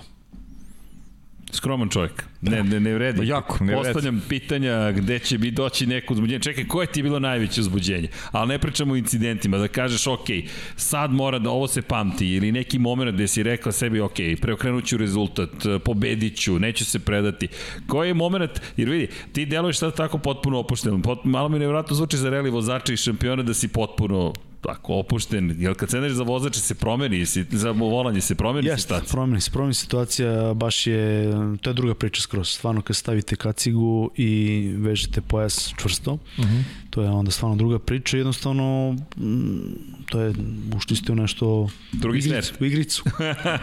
A najdraže mi je bilo, mislim, najdraže i ne, neka neverovatna stvar je kad se desila baš kolega tvoj, a, Igor Marković je bio, čini mi se, suvozač, pokojnom našem kolegi Igoru ovaj, Mirku Martinoviću, kad smo se trkali, jako dobar konkurent, mi je bio to doba, ja sam vozio Citroen Xaro, on je Renault Clio i jednostavno vozili smo taj neki Mitrovac, čuveni naš Natari, gde smo, ajde da kažem, trajala jedno 15 um, do 18 km brzinac i sad taj cilj brzinca je neki pravac, jel? I to je poslednji moment kočenja, jer posle tog pravca ide neka desna krivina, da jednostavno moraš i na tom pravcu pre cilja da malo kočiš ili da pustiš gas ili ne znam da se spremiš za tu krivinu, jer jesi ti završio brzinac, ali ostaje ti krivina koju trebaš i nju da završiš, jel? Bez obzira što fotoćelija na tom pravcu gde sam ja naravno ovaj, držao gas dokle je moglo i onda u posljednjem momentu, naravno zakasnio sam, nisam mogu da stignem tu krivinu, prošao sam cilj, imao sam vreme i slupao sam se, jel? To je ono, neka krivina poznata po tome, inače nisam uh -huh. bio jedini gde smo naravno suvozač vozač dobro je važi, izlazimo sve i trčimo da vidimo vremena koje, koje, koje dolazi od kolege iza, nema smo se slupala, smo imali naše vreme i bili smo lupom u sekundi, to mi je bilo stvarno nešto najdraže, ajde kažem, slupali smo se, ali vredelo je ona svaki dinar. E, kad, kad smo kod kolege Markovića, uh -huh. uh, Aktuelni suvozač, njemu mislite? Aktuelni suvozač, tako, aktuelni suvozač, ja. nije više u penziji, sad aktuelni mm. suvozač. Pita ga da ti ispriča kako je bilo sa kondom suvozačem prvi put na Makadamu i snegu u Austriji. Nadam se da će htjeti da ispriča skroz, kaže Igor. Pa dobro, dugo je to priča sad. I on čovjek preteruje, da možda bude i gost malo pa da ispriča. Bio je gost. Pazi, Pazite, tu on se... će tu, sigurno ispričati. Tu se da. izdešavalo svašta, znači ono, imali smo varijantu, a, bukvalno, a, to mi je ono, bilo koliko smo sad mi a, u tome da suvozač je zaboravio da stavi kacigu, znači stavi potkapu sve, vezano sve, ja okrećem ovako na startu okrećem glavu na, na, na desno i gledam ovaj kreće od brojeva 5, 4, 3, 2, 1 a sledeća pa je zamaljeno da li je bio i sneg, da li je to sve se smuljalo i tako dalje, ali valjda sve te neke frke srđan zaboravio kad cigu stojimo ispred njega i rekao, mislim krećemo druže, ajmo kad cigu tako da to je bilo ono dogodoština neverovatna naravno, ovaj, on pominje verovatno da nas je A, nevjerojatno njemu je zanimljivo što su, kad smo došli, recimo prvi put nam tema kanskirali, dva put smo ga vozili, jel? -huh. Jedne godine smo Mitsubishi, sa Subarom. A, s Mitsubishi kad smo došli, bukvalno ispred nas bio Fiat Stilo Rally, koji nas je ovaj, jel ima bolje vremena od nas, ali to je neki tamo domaćin koji je znao sve na pamet, razumeš, i eto onda naše kolege kao što je taj gospodin ovaj, malo prozovu, ali dobro, nemoj se. Da ne krećem ja s prozivkama sad. Da, Potreće. Slobodno, on, on prima, prima on prozivke. E, ali mora da ti, da ne zaboravim, Dejan Andrić mi šalje pitanje, uh -huh. ali u ime Vladice Rebrenovića. Uh -huh pozdravlja ti Vladica Rebrenović, gleda i Švedska gleda ovaj podcast. Svaka čast pozdrav za Vladicu. E, I kaže, kada će se vratiti iz penzije da se trka starija generacija kup, prepostavljam da to to znači starija generacija kup. Veliki pa, pozdrav Vladice. Pozdrav jedan veliki za, za, za Vladicu, sa W Vladice, jel? Ja. A, ovaj, uh, I svaka mu čast to što u toliko godine dalje voli ovaj, trkanje i reli i jednostavno na to pitanje mogu da odgovorim ono, da ima sponzor i svega stvarno evo sad bi seo bukvalno da iz studija da odem ovaj, u trkački auto bukvalno mogu i da kažem da sam nekako spreman i psihički i fizički suvozač ne verujem pošto je teži od mene. Ovaj, ugojio se na 10-15 kila sigurno, ali nema veze, rešili bi to na, na neki drugi način, ali jednostavno im, imam želju i mogu bi da vozim, bukvalno ovaj, i, i, i sada, ali jednostavno onako prođete ovaj, neka varijanta svega i, i i godine i vreme i, i, i posao jel, i, i situacija u sportu jel, država nije to sad nije to sad uvijek idealno i sve sad kad vratim u, u Rikvec da to i trebaš tim i trebaju ljudi i trebaš ovo da pokreneš ti tu ekspediciju mnogo treba ovaj snage i financija tako da je to neki razlog u principu ono, da kažem spreman sam eto ako hoće da bude sponsor ja sam spreman sutra ujutro odmah da, da. da startujem, šalim se naravno. Znači nisi zatvorio vrata u glavi svoj, nisi ne, zatvorio vrata. nisam da. zatvorio vrata i eto, znači stvarno bi se ovaj, vratio koliko toliko sutra. Da, sjajno. Bez problema. Sjajno. Okej, okay. Dakle, to je vreme je za lep, tim. Lepa informacija, informacija da, vreme je za tim, da. Team Rally 76, to je Lab 76. Da, da. Ali to ćemo se pozabaviti s tim, evo imamo i neki pa, komentari. Pa slušaj, mi, mi, mi, za, mi za Rally imamo tim, imamo i vozač i suvozač. treba nam auto još. Treba nam auto. auto nam treba. Pa da, I da sponzorišemo, i da sponzorišemo. Pa to je najjeftinije. To je najjeftinije. Nikakav problem. I sve ostalo što dolazi. Ali šalno na stranu, ovo su rama zanimljive priče, s obzirom na činjenicu da se bavimo, da, međunarodnim sportom, Formula 1, radimo, bavimo se svetskim šampionatom u reliju, međutim i, i ljudi sa ovih prostora, ko, poput tebe, koji nekako nisu dobili ni priliku da budu eksponirani, jednostavno ni vaše priče nisu nužno ispričane, da, to je deo onoga što je naš posao u kontekstu i popularizacije sporta, ali toga da sponsor sutra kaže, aha, čekaj, ako sponzorišemo određeni tim, određenog vozača, to će se negde čuti, negde će se vidjeti, dobija više na važnosti. Mediji tu igraju važnu ulogu. Mi smo sebi dali za pravo kao Lab 76. Mi smo ga napravili, osmislili i rekli, ok, ovo je naš način da pokrenemo stvari i da kažemo, ajde da upoznate ljude koji su se već ovim bavili. Na njihovom primjeru da vidimo šta je to što je nedostajalo, kako možemo da popravimo. Svi znamo, nema staze, nema mogućnosti za treninge. Reći nema sponzora, rekao bih, rekao uvijek svi kao, pa nema sponzora. Dobro, šta smo ponudili sponzoru da bi došao sponzor? Osim očigledno ljudi koji su talentovani, brzi i željni takmičenja. Ali ajmo mi svi zajedno da napravimo sistem kao mediji i kao učesnici, pa da kažemo, ok, to je to. Ono što je meni fascinantno, rekli smo, biće i vesti iz Formule, biće iz, iz šampionata sveta. Šta je meni fenomenalno kada pričamo o ovoj godini u šampionatu sveta u reliju? Meni je fenomenalno iz perspektive toga što mi govorimo i o tome da ćemo imati reli u komšiluku. Zagreb da. je ušao u svetsko prvenstvo u reliju. Meni je to fenomenalno. Just. To je već neki pokazatelj da nije, nije samo pitanje, mi svi moramo da funkcionišemo kao tim. Kao tim, kada, kada kažem tim, ne samo jedan tim koji se takmiče, već svi ljudi koji vole ovaj sport i bave s ovim sportom i to je negde misija koju smo mi sebi Jest. dali. E, mogu samo pre naravno, naravno, naravno, jednu digresiju, pošto Dejan Andrić očigledno je dobro informisan, informisan. informisan tako i Vladi Srebrenović preko njega mm -hmm. poslao poruku i pozdrav, kaže William Prodan vozi na VRC Monte Carlo i kaže da su popisivali brzinci uče i danas, kaže brzinci za subotu prvi je suv skroz, drugi je po snegom i ledom, a treći brzinac prvi deo suv, a od pola će biti sneg i led. Eto, to je informacija koja... Tako je, vidio sam da vozi te kolega, ja ga ne znam, lično sam primetio ovaj, da je tu iz suseda jel, Hrvatske uh mhm. -huh. i onda sam primetio da voze, čini mi se neku fijestu ili tako nešto. A, to je sve u redu, samo je pitanje šta će biti sutra preko neko Da. da će se zadržati ta vremenska prognoza. Jest, jest. I to jeste čart u Monte Carlo, nažalost.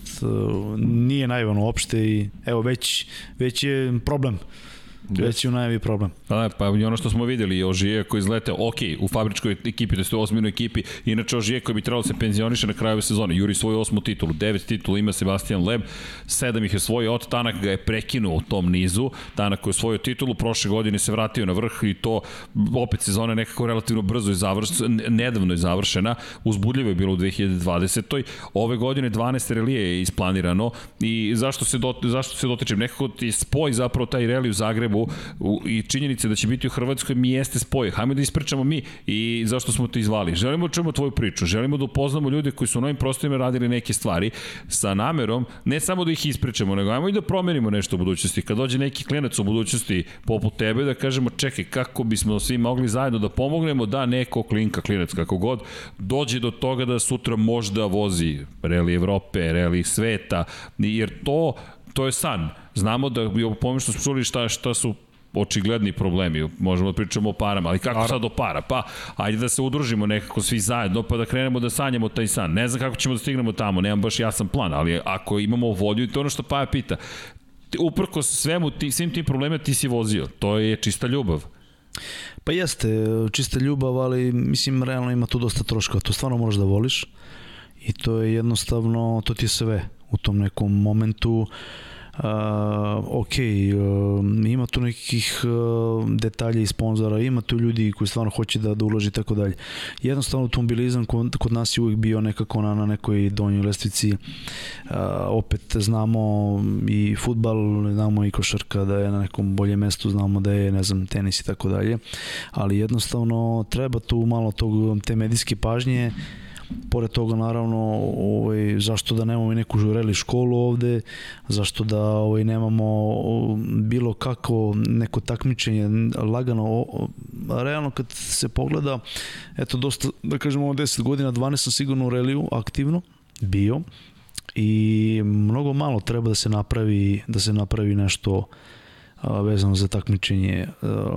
Ne moramo mi da budemo um, takvi timovi kao što sad gledamo Žije i svi ostali koji su stvarno su veliki Formula 1, da ne pričamo mm -hmm. i tih detalja ovaj, bolida i to, a, jednostavno mi možemo da napravimo neki ili kup ili, ili s nekim normalnim kolima m, da li publici na kraju kad prođe jedan auto je išao 100 ili 110 to je stvarno nebitno ljudima niti trkačima, nebitno su da kažem svi isti sa, sa nekim homologacijnim kolima i jedno su se trkaju a ovaj, sigurno može ima ovaj, nade za to, nije tu sad kraj, jel, može da se ovaj, napravi tako nešto. Reli jeste težak sam po sebi, krug je dosta lakši i za organizaciju i, i manje se vozi, brže se organizuje, ne treba ti treninzi neki, ne treba ti ekipa ogromna, sam si, nemaš suvozača, Uh, jednostavno ovaj, mnogo lakše se to organizuje naravno da tu kruga i dalje ima kod nas, reli je isto ima, ali je ovaj, jako tanko. Uh,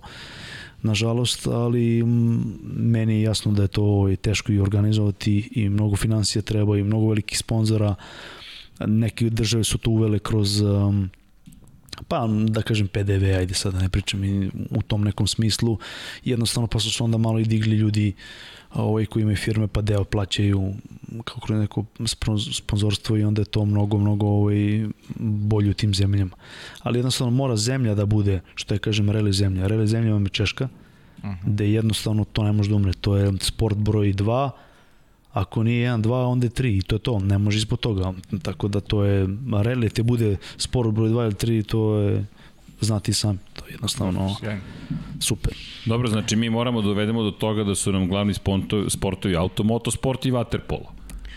Pa to je, pa, ja to je ideja, da, je to, to je ideja, to je ideja, da. Vidi, ovde se sanja. Za, za ovim stolom je to ideja, da. Za ovim stolom studiju na kraju univerzuma, mi ovde imamo te ideje. Da se ipak probudimo, a? a ne, a, ali nasmejali smo te, pazi, da, nasmejali smo te, najzad smo te nasmejali, tako da, da, da. vidi, ali nema odustajanja. E, ali, ali pazi, izaziva reakciju ovo tvoje gostovanje, ima, mislim, znaš, meni stižu poruke samo na... Jel pozitivna reakcija, pozitiv, nije, aha, pozitiv, dobro, dobro, nema. Maksimalno, maksimalno pozitivno, znaš. Evo, ajde, možemo odmah, Veljko Vujić pita, kaže, da li može Vladan da rangira staze po Srbiji makar top 3? Interesuje me koje staze vrede da se postaje nakon što prođe pandemija. Hvala napred. Ako je reli staz u pitanju, da. ovaj, u principu to je onako meni broj jedan neka tara. Uh mhm. -huh. na, znači na, na tari ima jedno dva, tri brzinca ovaj, prelepa, ovaj, jako zahtevna i to je po meni nešto a, od boljih varijanti. Na drugom mestu mogu staviti slobodno Divčibare. Divčibare, ceo taj jedan krug, ono valjevski deo je jako dobar. O, da, tu je i, da kažem, Fruška gora.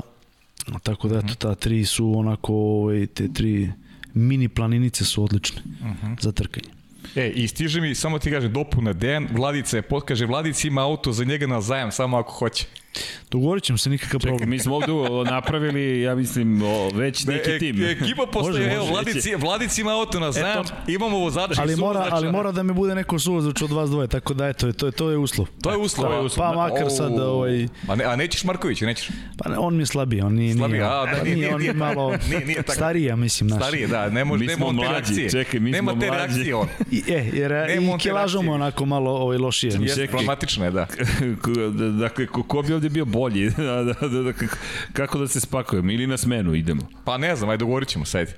Izlačit ćemo, izlačit ćemo. Izlačit ćemo. Olakšit ćemo automobil, nije problem. da, da, da. Vidi, Vlado, mi se rešalimo, ti ako nama daš zadatak, mi ćemo da naučimo. Ima, ima par pitanja i, i pozdrav svima na četu, e, malo je drugačija emisija, da, bi ima ovde pitanje za clickbaitove, neće, nije clickbait, pričat ćemo mi u formuli, pričat ćemo o svemu, ali ima par pitanja, između ostalog jeste, Dakle, da li, uh, pitanje za gosta, da li poznaš Jure, Še, Jure Šebolji, šta misliš o njemu?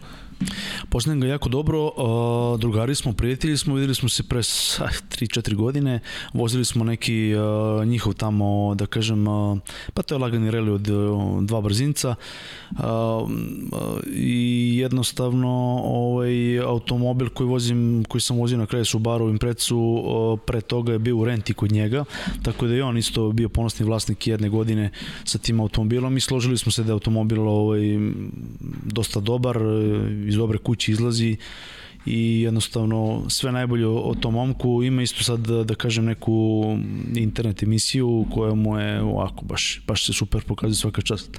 Samo napred. Da, pa vidim vidjet, će, vidjet ćemo se na VRC-u sledeće godine, to je stove, pardon.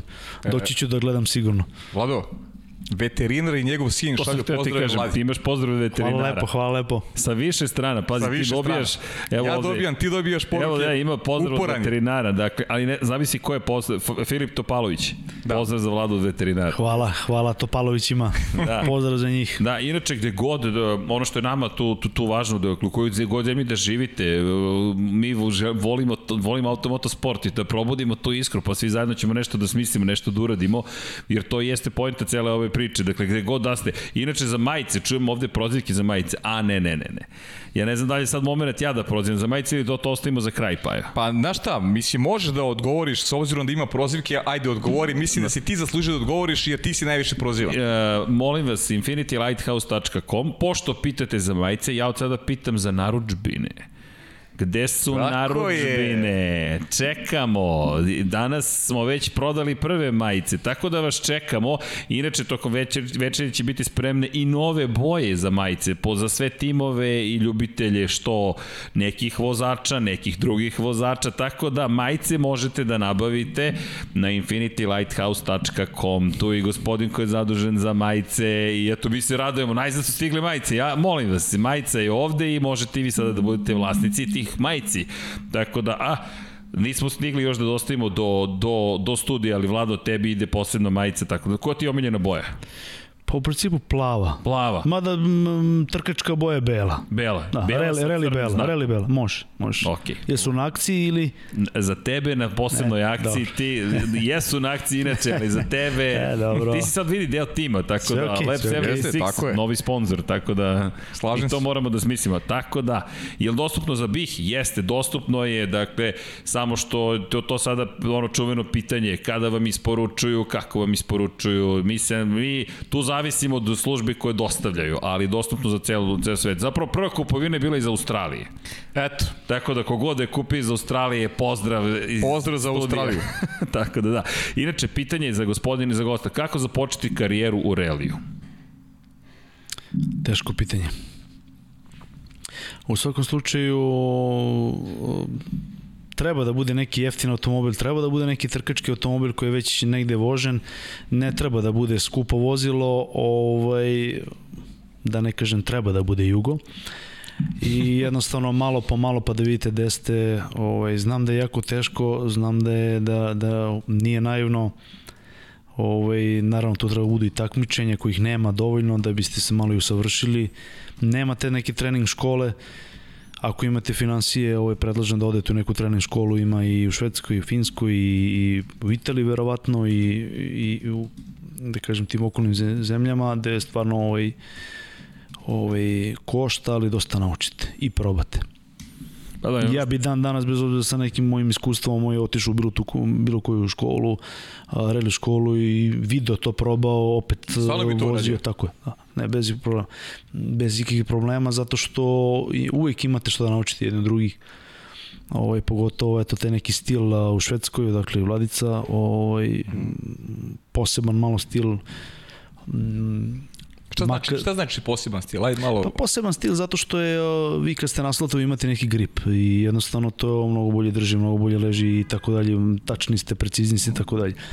Da kažem kao formula. Već kad pređete na neku podlogu koja je sneg ili ti makadam, um, klizava, jel? Mm. I onda mora da imate neki, neki druči stil, ne može tako da se više mota vola, ne može da kažem da imate toliko volana, treba se zna kada se koči, da li ranije, da li kasnije, treba da se taj auto namesti pred tu krivini tako da bi vi lepo odradili, jel? I tada. Tako da dosta je, dosta je, pa evo, pravi primjer je normalnih vozača uh, leti i zimi po snegu. Eto, to vam je neka prava, prava ovaj, prilika da vidite kakvi ste na leti, a kakvi ste sad po ovom snegu. Ipak ima dosta panike, sneg, led. Da, da, naravno. Kad uđete u neku krvinu pa vas nekako izbaci, pa šta ćemo da radimo kad tako izbaci i tako dalje. Dok na asfaltu jednostavno ne razmišljate o tome. Ja, dobro, to treba da bude škola bezbedne da, vožnje da, u saobraćaju da, početak. To je prva stvar.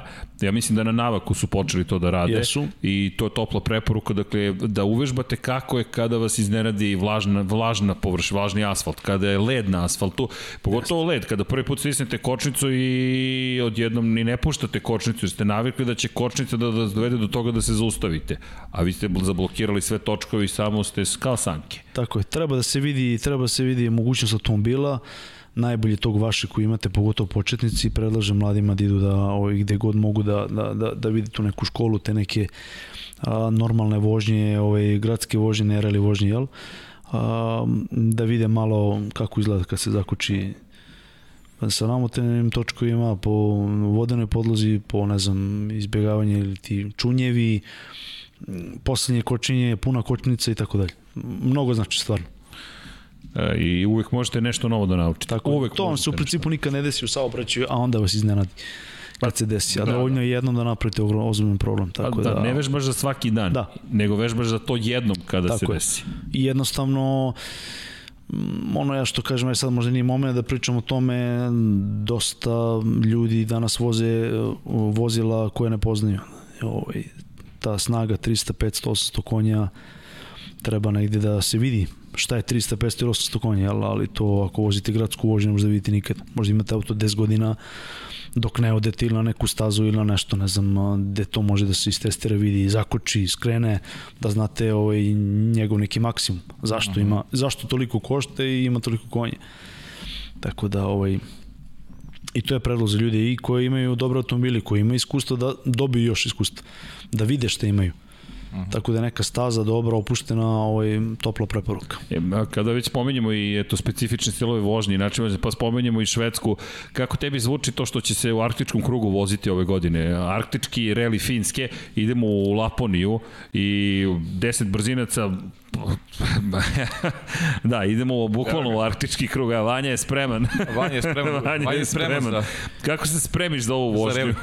Po hladno. Hladno, hladno. toplo se obući. Toplo se... Čarape duple.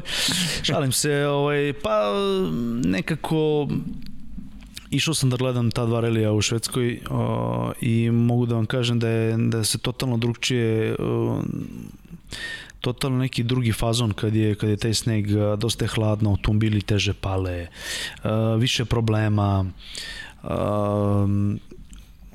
ne znam, taj, eto, taj grip sa tim nekim spajkovima, sa tim nekim uskim gumičicama, totalno drugčiji neki fazon, totalno vožnje, naspram, opet da kažem, ove neke asfaltne, evropske varijante, normalne, suve, kišne, ajde da kažem. Uh, i opet a, dosta vozača, dosta vozača imaju taj stil da kažem taj ovaj ledeni stil vožnje i dosta vozača ima ovaj taj stil asfaltne vožnje i onda to onako nije nije baš naivno. Da, ima par pitanja za tebe, nadovezuje se nekako rastilove vožnje, ali pitanja su više o konkretno ljudima. Za koga smatraš da je po tvom mišljenju najkvalitetniji vozač VRC od kada ti pratiš, ne nužno po broju pobjeda, nego ko te najviše fascinirao? Sebastian Loeb odmah.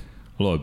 No, Loeb jednostavno, to je to je čovjek koji je ono, gimnastičar koji svakamu čast radi gimnastiku s kolima, neverovatno, imate neki stil stvarno koji ona, ono, baš i za, za, za, za skidanje kape i jednostavno vozač koji nema mnogo grešaka, je dosta je tačan, dosta je precizan, dosta je brz, uvijek je brz i jednostavno dosta je bio puta na podijumu, to je bez obzira na sve, ne smem da kažem da tu i vozač koji na 10. mestu i 12. 15. da, da ovaj, nije u igri, to su stvarno vrhunski vozači, pomenuli smo MotoGP, Naravno. u prvih 10 kad voze u sekundi, znači ne možemo reći da je osmi vozač smešan. Ili... Šta ga odvoja, izvini, šta je to kod njegovog stila da kažeš drugačije, jel to, ti su to sada nijanse opet koje mi ne možemo da vidimo ili nešto kritično drugačije kod Loeba prosto? Pa ne možete vidjeti, u principu meni to neko njegovo sedenje, uh, igranje rukama na volanu,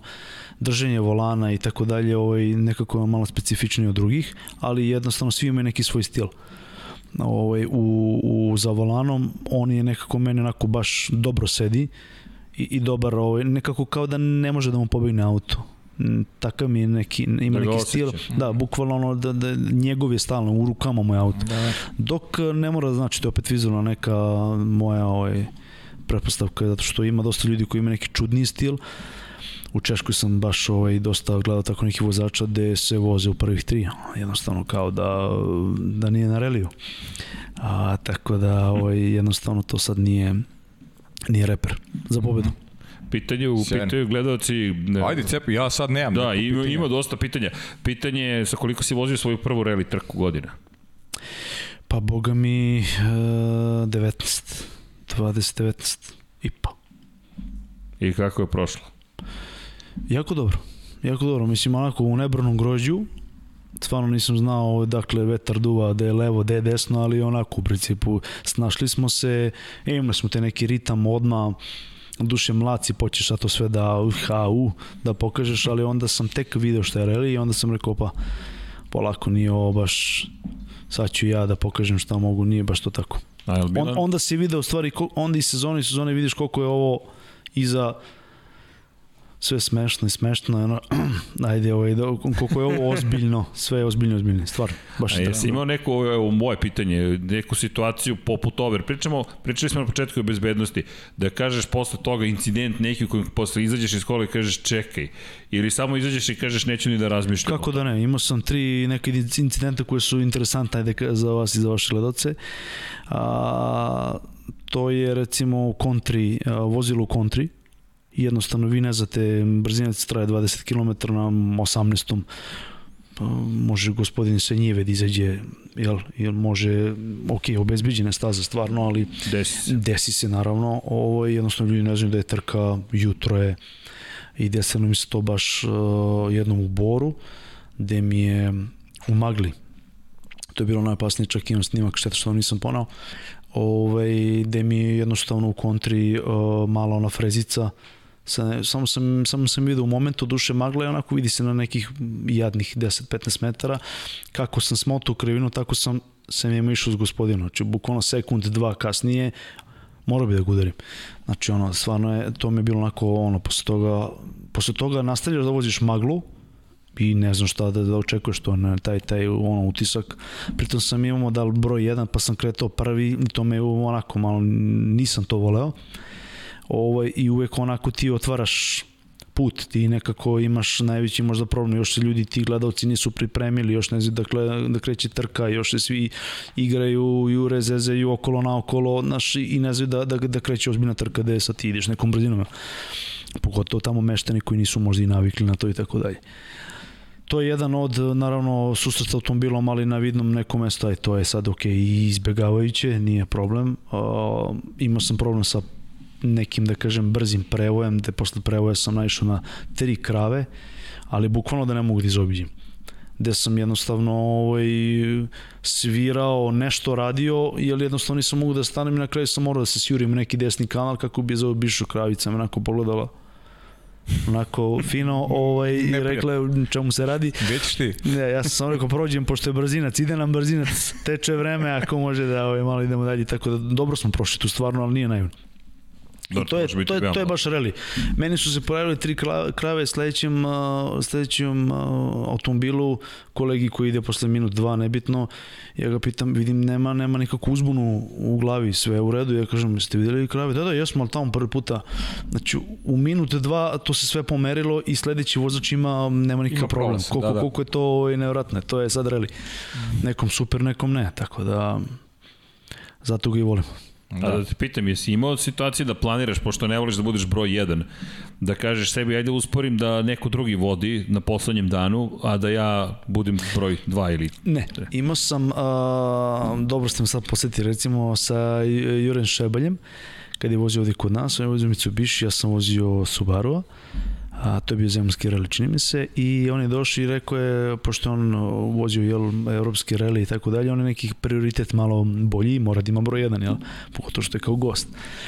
I ja sam ga sad kao zezao, ovaj, samo da znaš, sutra na startu ja sam broj jedan, ti si dva, ne mogu da veram.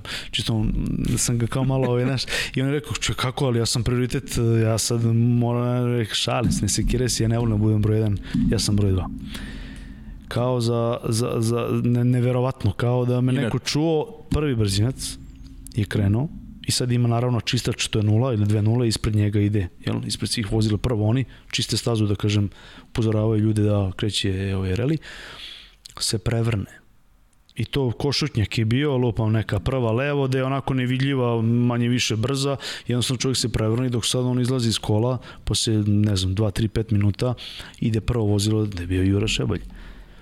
I, ovaj, i naravno uh, prevrnuo se tako da je stao na sred puta, ne može da ga jedva nešto u kanalu. Sreće, pa su se nešto mimo išli, stali i ovaj, meni kao broj 2 ovaj, izlaze i kaže našu polaku koči ima prevrnuto vozilo. I na kraju sam rekao, pa zato ne volim broj 1 kao da je, da je znao, tako da ono.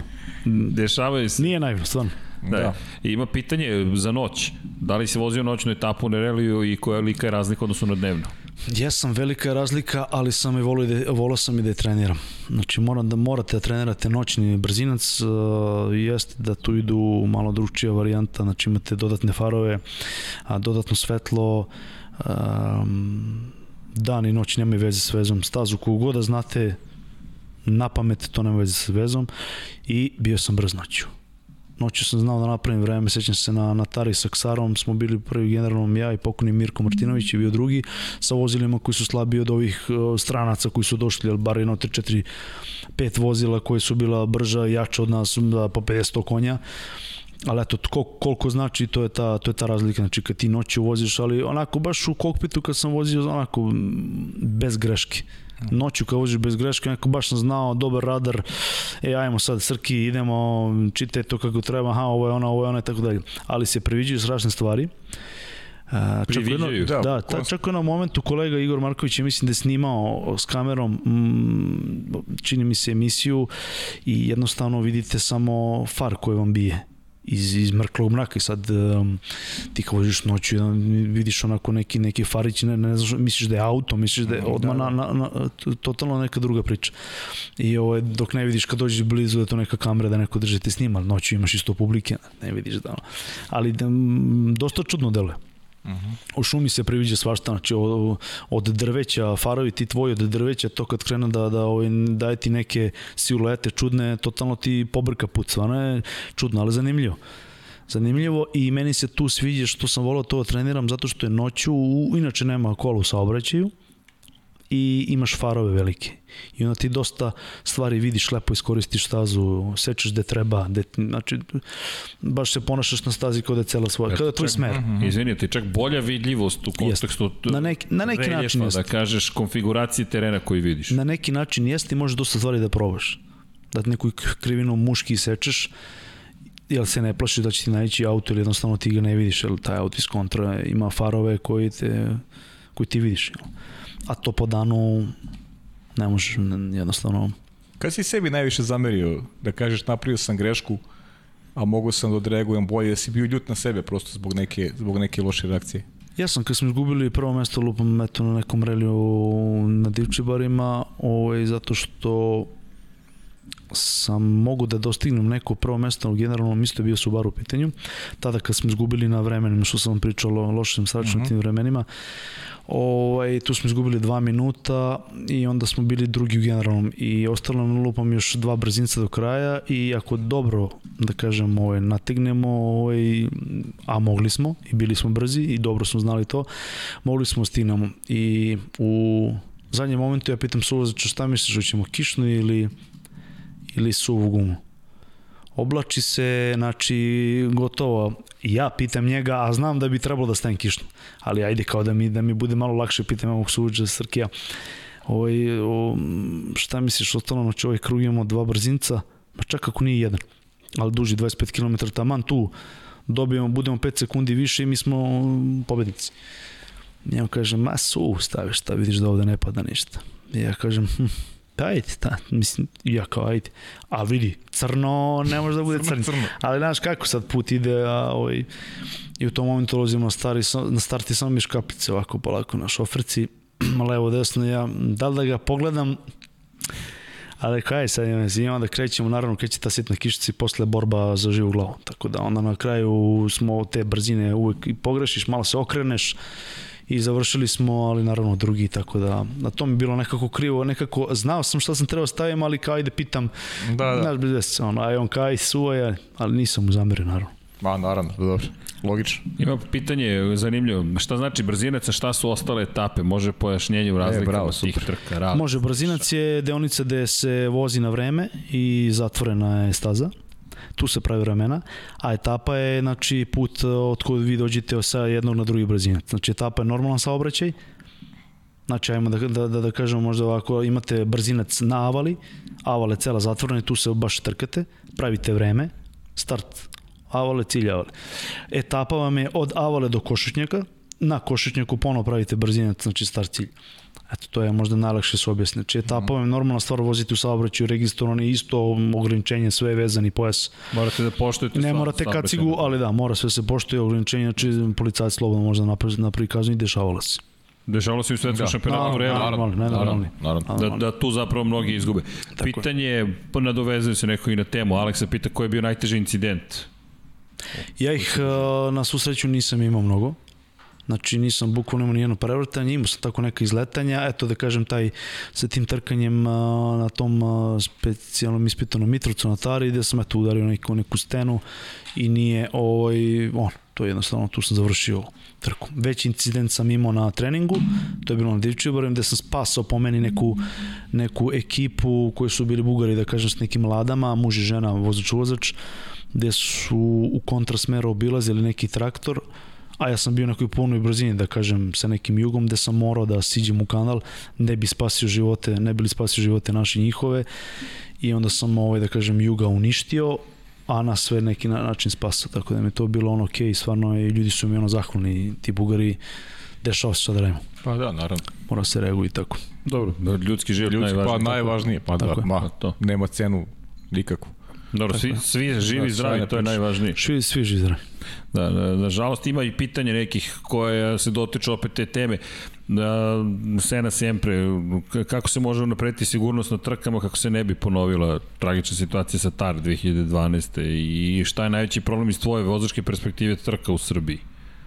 Da li postoji odgovor uopšte jednostavno? Pa šta god da vam kažem, uvijek će nešto faliti, to možda da i podredite vi sa Formula 1 i ovog, ovo što je bilo što je, jel, automobil gore, udario u bankinu, tako se provuko glupo, više ne, ne, ne mogu da, mislim, ljudi toliko, toliko ulažu u tu bezbednost, toliko stavljaju sve vjerojatno skupoceno i toliko se drže nekih uh, tih sistema da to bude kako treba ovaj, i ne vredi pored toga. A, jednostavno što se tiče relija, prvo i osnovno dobar, kvalitetan automobil, znači pravi roll bar, svi smo mi, ja sam lično pravio roll bar na nekoj ksari i tako dalje, ali sve to u redu i sve to nekako može, ali prvo i kvalitetno znači da bude roll bar, vozilo, sedište, ta dodatna oprema, kacigi, Hans, kombinezon, sve to da nije imao taj gospodin jel, kombinezon i tako dalje ne bi bilo baš tako mm. lupam u formuli ili, ili, ovaj, ili bilo kom udesu naravno ovaj, Robert uh, Kubica imao jedan problem već kad mu letela bankina kroz Škodu, Jeste, to je jeste. jednostavno, nije to samo i jedan put, to je kod njega, jel, ali bilo to dosta slučajeva, jednostavno tako se potrefi da se da, da, da uleti napravi ogroman problem.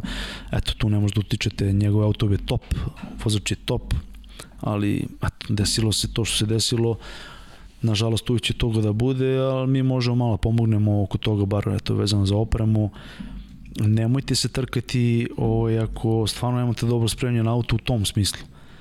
Zato što bespotrebno nešto rizikujete život, a ovaj, jednostavno imate taj track deve da možete s normalnim kolima da izađete, probate neki svoj serijski automobil da imate zonu izletanja, da možete lepo u pesak, pa čak i ako se prevrnute, opet tu ste nešto bezbedni, neka travica i tako dalje. Ali drvo, kamen, cigla, kanal, je malo zbiljnije i eto videli ste snimak kao živog auta koji je potpuno full od automobila, a Da, pola ga malo pa nema. Tako I je. čovjek koji se bori za prvo mesto, znači nije neki novo komponi vozač. I zna stazu i sve, pa opet Bukvalno. to... E, Veljko Vujić se ponovo javlja i kaže, pohvaljuje podcast, kaže, zainter- zainteresovali ste me za reli, što je jako lepo i mm -hmm. tvoje gostovanje je, je dalo, onako, da kažem, rezultate i efekte ima. Kaže, ako možeš ono pitanje za Vladana, šta misli kada možemo da očekujemo Subaru da se vrati u VRC i koja je bila snaga Subaru kojeg je on vozio?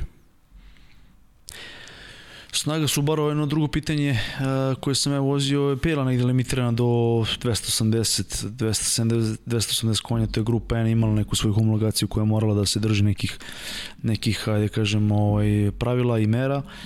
Um, na reliju snaga nije mnogo bitna, bar meni. Da li imaš 10 konja više ili manje ili 20, uh, nije mnogo bitno koliko je meni u principu bitno leženje automobila, kočenje i da auto sluša moju komandu ako ja hoću tamo, tamo da ide. Um, nije me zanimalo to mnogo na, na pravcima i reli, reli automobili se ne gledaju na pravcima, oni nemaju neki špica, da kažem brzinu, to je 200, 210 maksimum, što je ako pogledaš onako ništa, ali nije u šumi baš ništa. Uh -huh. Bitno je to neko ubrzanje, bitni su ti neki menjači, taj stepen prenosa, ti neki diferencijali dole na, na, na pogonu i tako dalje, da oni poslušaju, da naprave ovaj, izlaz iz te krivine, ulazi i tako dalje, da te poslušaju da napraviš najbolje vreme, jel? Da ima taj jako dobar grip. A izvinjam se, prvo pitanje. A prvo pitanje je bilo kad, Kada- će, kad, da. kada očekuje da se Subaru a, vrati u Pa glupo je što moram da kažem, ali ja mislim nikad. Uh -huh. A Subaru i Mitsubishi su napravili tu neku eru, to su japanska, ja, japanske, o, japanska čuda gde su i napravili sve to i jednostavno ovaj, ali je bio problem što su bili jedini i malo je bez veze da ne učestvuju tu evropska kola, da ne učestvuju jel, ovaj, ne, neki brendovi koji su jel, aktuelni, jednostavno za trkanje su samo postavili Mitsubishi i Subaru ranije da kažem da su najkonkurentniji. Uh -huh. Sve ostalo ovaj nije postalo. A sad kao što vidite, postoji neka Toyota, postoji sad neki Hyundai, postoji sad evropska kola su malo bacili, ali naravno, jel, reklamno zbog prodaje i ostalog bilo bi bez veze da nema tih kola. Inače, sva ta vozila se ponašaju kao ova dva, jel? Mitsubishi Subaru, na toj nekoj, da kažem, bazi ovaj, je napravljeno, naravno samo što je modifikovano IHH. Uh -huh. IHH. Ima pitanje Vanja. Kaže, da li Vanja? kada, da, pošto stalno čujemo nogu, da li to dodaješ gas tokom podcasta ili je to... Mal, malo kočim da imamo više vremena levom. Kočiš. Ali Kočim dobro je levom, pitanje. ali, ali lepo pitanje. Evo, smirit ću se. Fali mi neki Se čuje. volan, ali... Ovaj, ali da li je to sad, da, gas Ali ili? Čekaj, levo ili desno? Levo ili desno? Malo levo, malo desno. Jedno i druga, pa. Ja doziram priču, da, ne mogu da... jako, jako. Vanja je opasan. Dobar je Da, Vanja. taj primeti, pa to je... Ne... Da, da, ja nije, ali to je, on je, Vanja je poseban. Uh, inače, pitanje se negde dovezuju, ali jedna od tema jeste, i o tome smo hteli da pričamo, to nam je tema, iskoristit ćemo tvoje prisustvo najava negdje 2022. godine. Rekli smo 2021. 12 relija. Reli Monte Carlo otvara sezonu. Tu smo od 21. do 24. januara. Zatim idemo idemo idemo bukvalno u arktički krug. O, hvala. Vidi, pogledaj ko je spreman. Pa da, pa A da. Vanja je uvijek spreman. Ne, ne. on je rođen spreman. Ne, nema. Da, idemo u Finsku, idemo zapravo Takav u arktički krug. I potom u Zagreb, krajem aprila, imamo pauzu, u martu se ništa ne događa, dva meseca pauze. To je fenomenalna vest. Ljudi, ukoliko budete u mogućnosti, obavezno iskoristite priliku i gledajte taj reli. U, zavisi naravno od COVID-19. Pre svega želimo da budete zdravi, da vodimo računa jednim drugim, ali ukoliko se ukaže prilika i mi ćemo otići, sad da li će se ukazati ne znamo, nemamo predstavu šta nas čeka, činjenice da je, da je neverovatno da je, da je ajmo, ajmo da promenimo, verovatno je, to je ono što mi želimo, da, da postane verovatno i da imamo na, u ovim, na ovim prostorima reli koji se organizuje okolo svetskog prvenstva. To je fenomenalno i stoga to treba podržati, podržati tako da svaka čast, bravo za, za Zagreb i za Hrvatsku, fenomenalno vidjeti na, na, na, na ovom spisku onih nevratnih relija da dolaze u komšiluk. I ukoliko možete, obavezno vidite, to je poseban doživljaj. Ko nije pratio reli do sada, drugačiji iz perspektive televizijskog formata, jednostavno drugačiji za praćenje, ali bez obzira, kada vidite iz samog, iz samog vozila kadrove, sa strane kadrove, proslave, koliko tu tehnike ulazi, koliko su ozbiljne ekipe, uživaćete. Zatim Portugalija, možemo i da vratimo kalendar, hvala Vanja, 23. maja se završava, Italija 6. juna, zatim Keniju posećujemo, potom idemo u Estoniju, krajem juna Kenija 24. 27. od 15. do 18. jula je Estonija domaćin. Kada govorimo o Finskoj imamo reli Finske. Ovo je arktički reli Finske, što je druga trka sezone. Zatim Finska u leto, 29. jula počinje, završava se 1. avgusta. Zatim Belgija od 13. do 15. avgusta, pa Čile od 9. do 12. Pa vidite, ne može bez Čile da prođe a podcast. Pa, da, Vladane, ne znam da znaš, a to svi znaju, već moja porodica živi, jedan deo porodice u Čileu, tako da navijamo za Čilance. Zatim Španija, od 14. Idemo u Čile na reli. Može, može. E, da, mo, može. ok, ovde mislim da je pao do Ti, ti tu znaš na pamet sve sigurno, Inače, tako da... da, da. Pa moja snajka je bio bio. A, to je njeno to. mesto, A. njena porodica poreklom iz bio. Znači radar već imamo. Tako I da, radar imamo spremljen. Nemojte ništa da brinete, idemo, jedan zabavan region i Concepcion konkretno, tako da mi ima, imamo i gde da spavamo i kod koga ćemo biti, jel te, ugošćeni, no, oni još ne znaju, ali ovde ćemo vidjeti da li prate Lab 76, pa će dobiti informaciju. To je uvek test, kad pozdravim mamu da vidim da li je pratila. Zatim Katalonija, 17. oktobra se završava taj reli i Japan Nagoya za kraj sezone. Ok, bit će to zabavna jedna godina. Međutim, uvodi nas u 2021. godinu. Zašto je 2021. toliko važna? Od naredne godine hibridni pogon ulazi u svetsko prvenstvo u reliju u skladu sa promenama koje se dešavaju u svetu. Da li si ti testirao, to jest kao reli vozio neko hibridno vozilo ili makar, da kažemo, trenirao? Pa u principu jesam, ali ne trkačko vozilo, gradsko jesam. Ne znam, meni je to sve malo ovaj, čudno. Naravno, mora se pratiti trendovi, bit će toga sve više i više. Eno, kao što vidim, dobavljač mog Mitsubishi Raimund Baumschlager, vidim da je već testirao elektroautomobil Škodu Fabiju R5 full, full elektro ne znam, nema malo dušu, daleko toga da to ne ide, daleko toga da to ne valja, ovaj, sve to super, ali ovaj, malo fali mi te neki zvuk, taj zvuk te malo diže, adrenalin i sve ostalo, ovaj, fale malo brzina, ne samo jedna, da kažem, kao trola, Ovaj, ali ovaj Evo, opet se trolejbus čeki, neverovatno. Pa da to je, znaš to da Igor Marković isto izgovorio. Ne mogu da gledam trke trolejbusa. pa dobro, da, ali e, de, definitivno biće to trkanje što se tiče u brzini jako slično. A, I jednostavno samo što, eto, mora se naviknuti malo na te zvukove ima ta Formula E, ima uh, boga mi MotoGP E, tako da, ima. da, da kažem, ima ovaj toga i polako moramo da se navikamo svi na to što da radimo. Nažalost. Nažalost, A, da. Jesi probao električni automobil neki? Jesam. I? Ja sam, ovaj, pa jednostavno ono što ja vidim u tim kolima jeste kao mobilni telefon, gde imaš uh, bateriju, da kažem, od telefona ispred sebe i jednostavno gledaš kada će se potroši i moraš da organizuješ sebi život malo drugčije a, samim tim a, U kom smislu? Pa u smislu a, jednostavno ono što si radio kad si imao normalan automobil, jednostavno ako hoćeš danas da uradiš dve, tri stvari i možda neku četvrtu, a, to si mogao, a s ovim automobilom to malo teže zato što jednostavno zaviš od nekog punjača, Uh, automobil ti traje da kažeš jedan dan, to je da sad ti range su negde od 200 do 400 km maksimalno. Danas ljudi prelaze ono, standardnu neku kilometražu gde, eto, kad god pomisliš, obaveza ti je da, da, da, da imaš neko punjenje i, i malo je to problematično po meni, ali dobro, sve stvar navike. A stil vožnje? Velike ušteda, pa stil vožnje, definitivno elektrovozila idu jako dobro, ubrzavaju dobro kao trole, ozbiljnije, ali da šalim se naravno, stvarno dobro ubrzavaju, sve to ok, jednostavno daleko od toga će to biti sporo. Tesla je pravi primjer, ovaj, dalje neću ni da pričam, ali jednostavno nekako fali mi malo zvuka u svemu tome, malo. Mm -hmm. Malo. Malo više fali. Ali naravno što tiče ekologije, ono, svaka čast. To je broj e, jedan na kraju. Ajde, Dejan Andrić ima dva pitanja. Mm -hmm.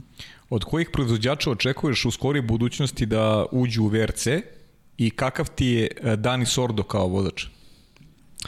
Proizvođača, pa Fiat 500L, Šalim se naravno.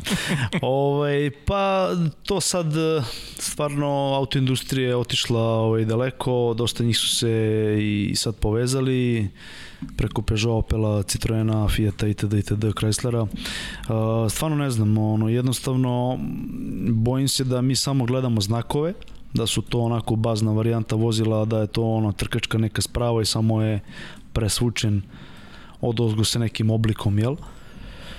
Vozila ili ti brenda i da je to sve slična stvar sve slična stvar što se tiče tog estetskog izgleda, a ovaj, eto, unutra, unutra onako neka varijanta, da kažem, isti su dosta svi unutra, a sad oblik vozila, manje više to sad ljudi prave da izgleda tako malo ono i reklamno, ali svi imaju tu mogućnost da uđe, eto tako, Toyota odjednom došla, mislim odjednom, bila je ranije, ali se povratila, ne znam, Peugeot Citroen malo, malo su tu, malo nisu, i tako Hyundai odjednom, tako da, ali sve to meni super i, i sviđa mi se kad je tako malo raznovrstno. Mm -hmm. Mešano meso, da kažem. Mm. A, Ima, a Dani Sordo? Dani Sordo svaka čast, ok, dosta dugo vozi, odličan je vozač, na ovom reli koji prestoji ne smem da ga stavim u prva tri, ali može da bude tu negde. Uh mhm. -huh. Da pipka to treće mesto. Ok.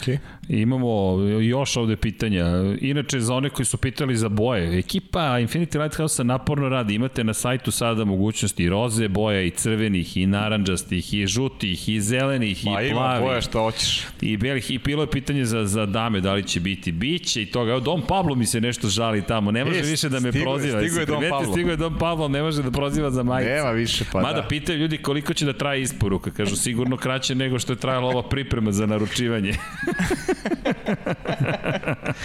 to je neka šala, traje već danima. Nego, e, tako, iskoristimo tvoje prisustvo. Ej, izvini. Ima, ajde, ajde, ima, ima, ima, ima ovdje još jedno. E, ima koliko hoćeš. Ima kaže, pitanje. Vladane, pitanje koliko hoćeš. Da, može, može koji VRC automobil ti je Dream Car, to je omiljeni automobil iz snova i omiljeni auto grupe B?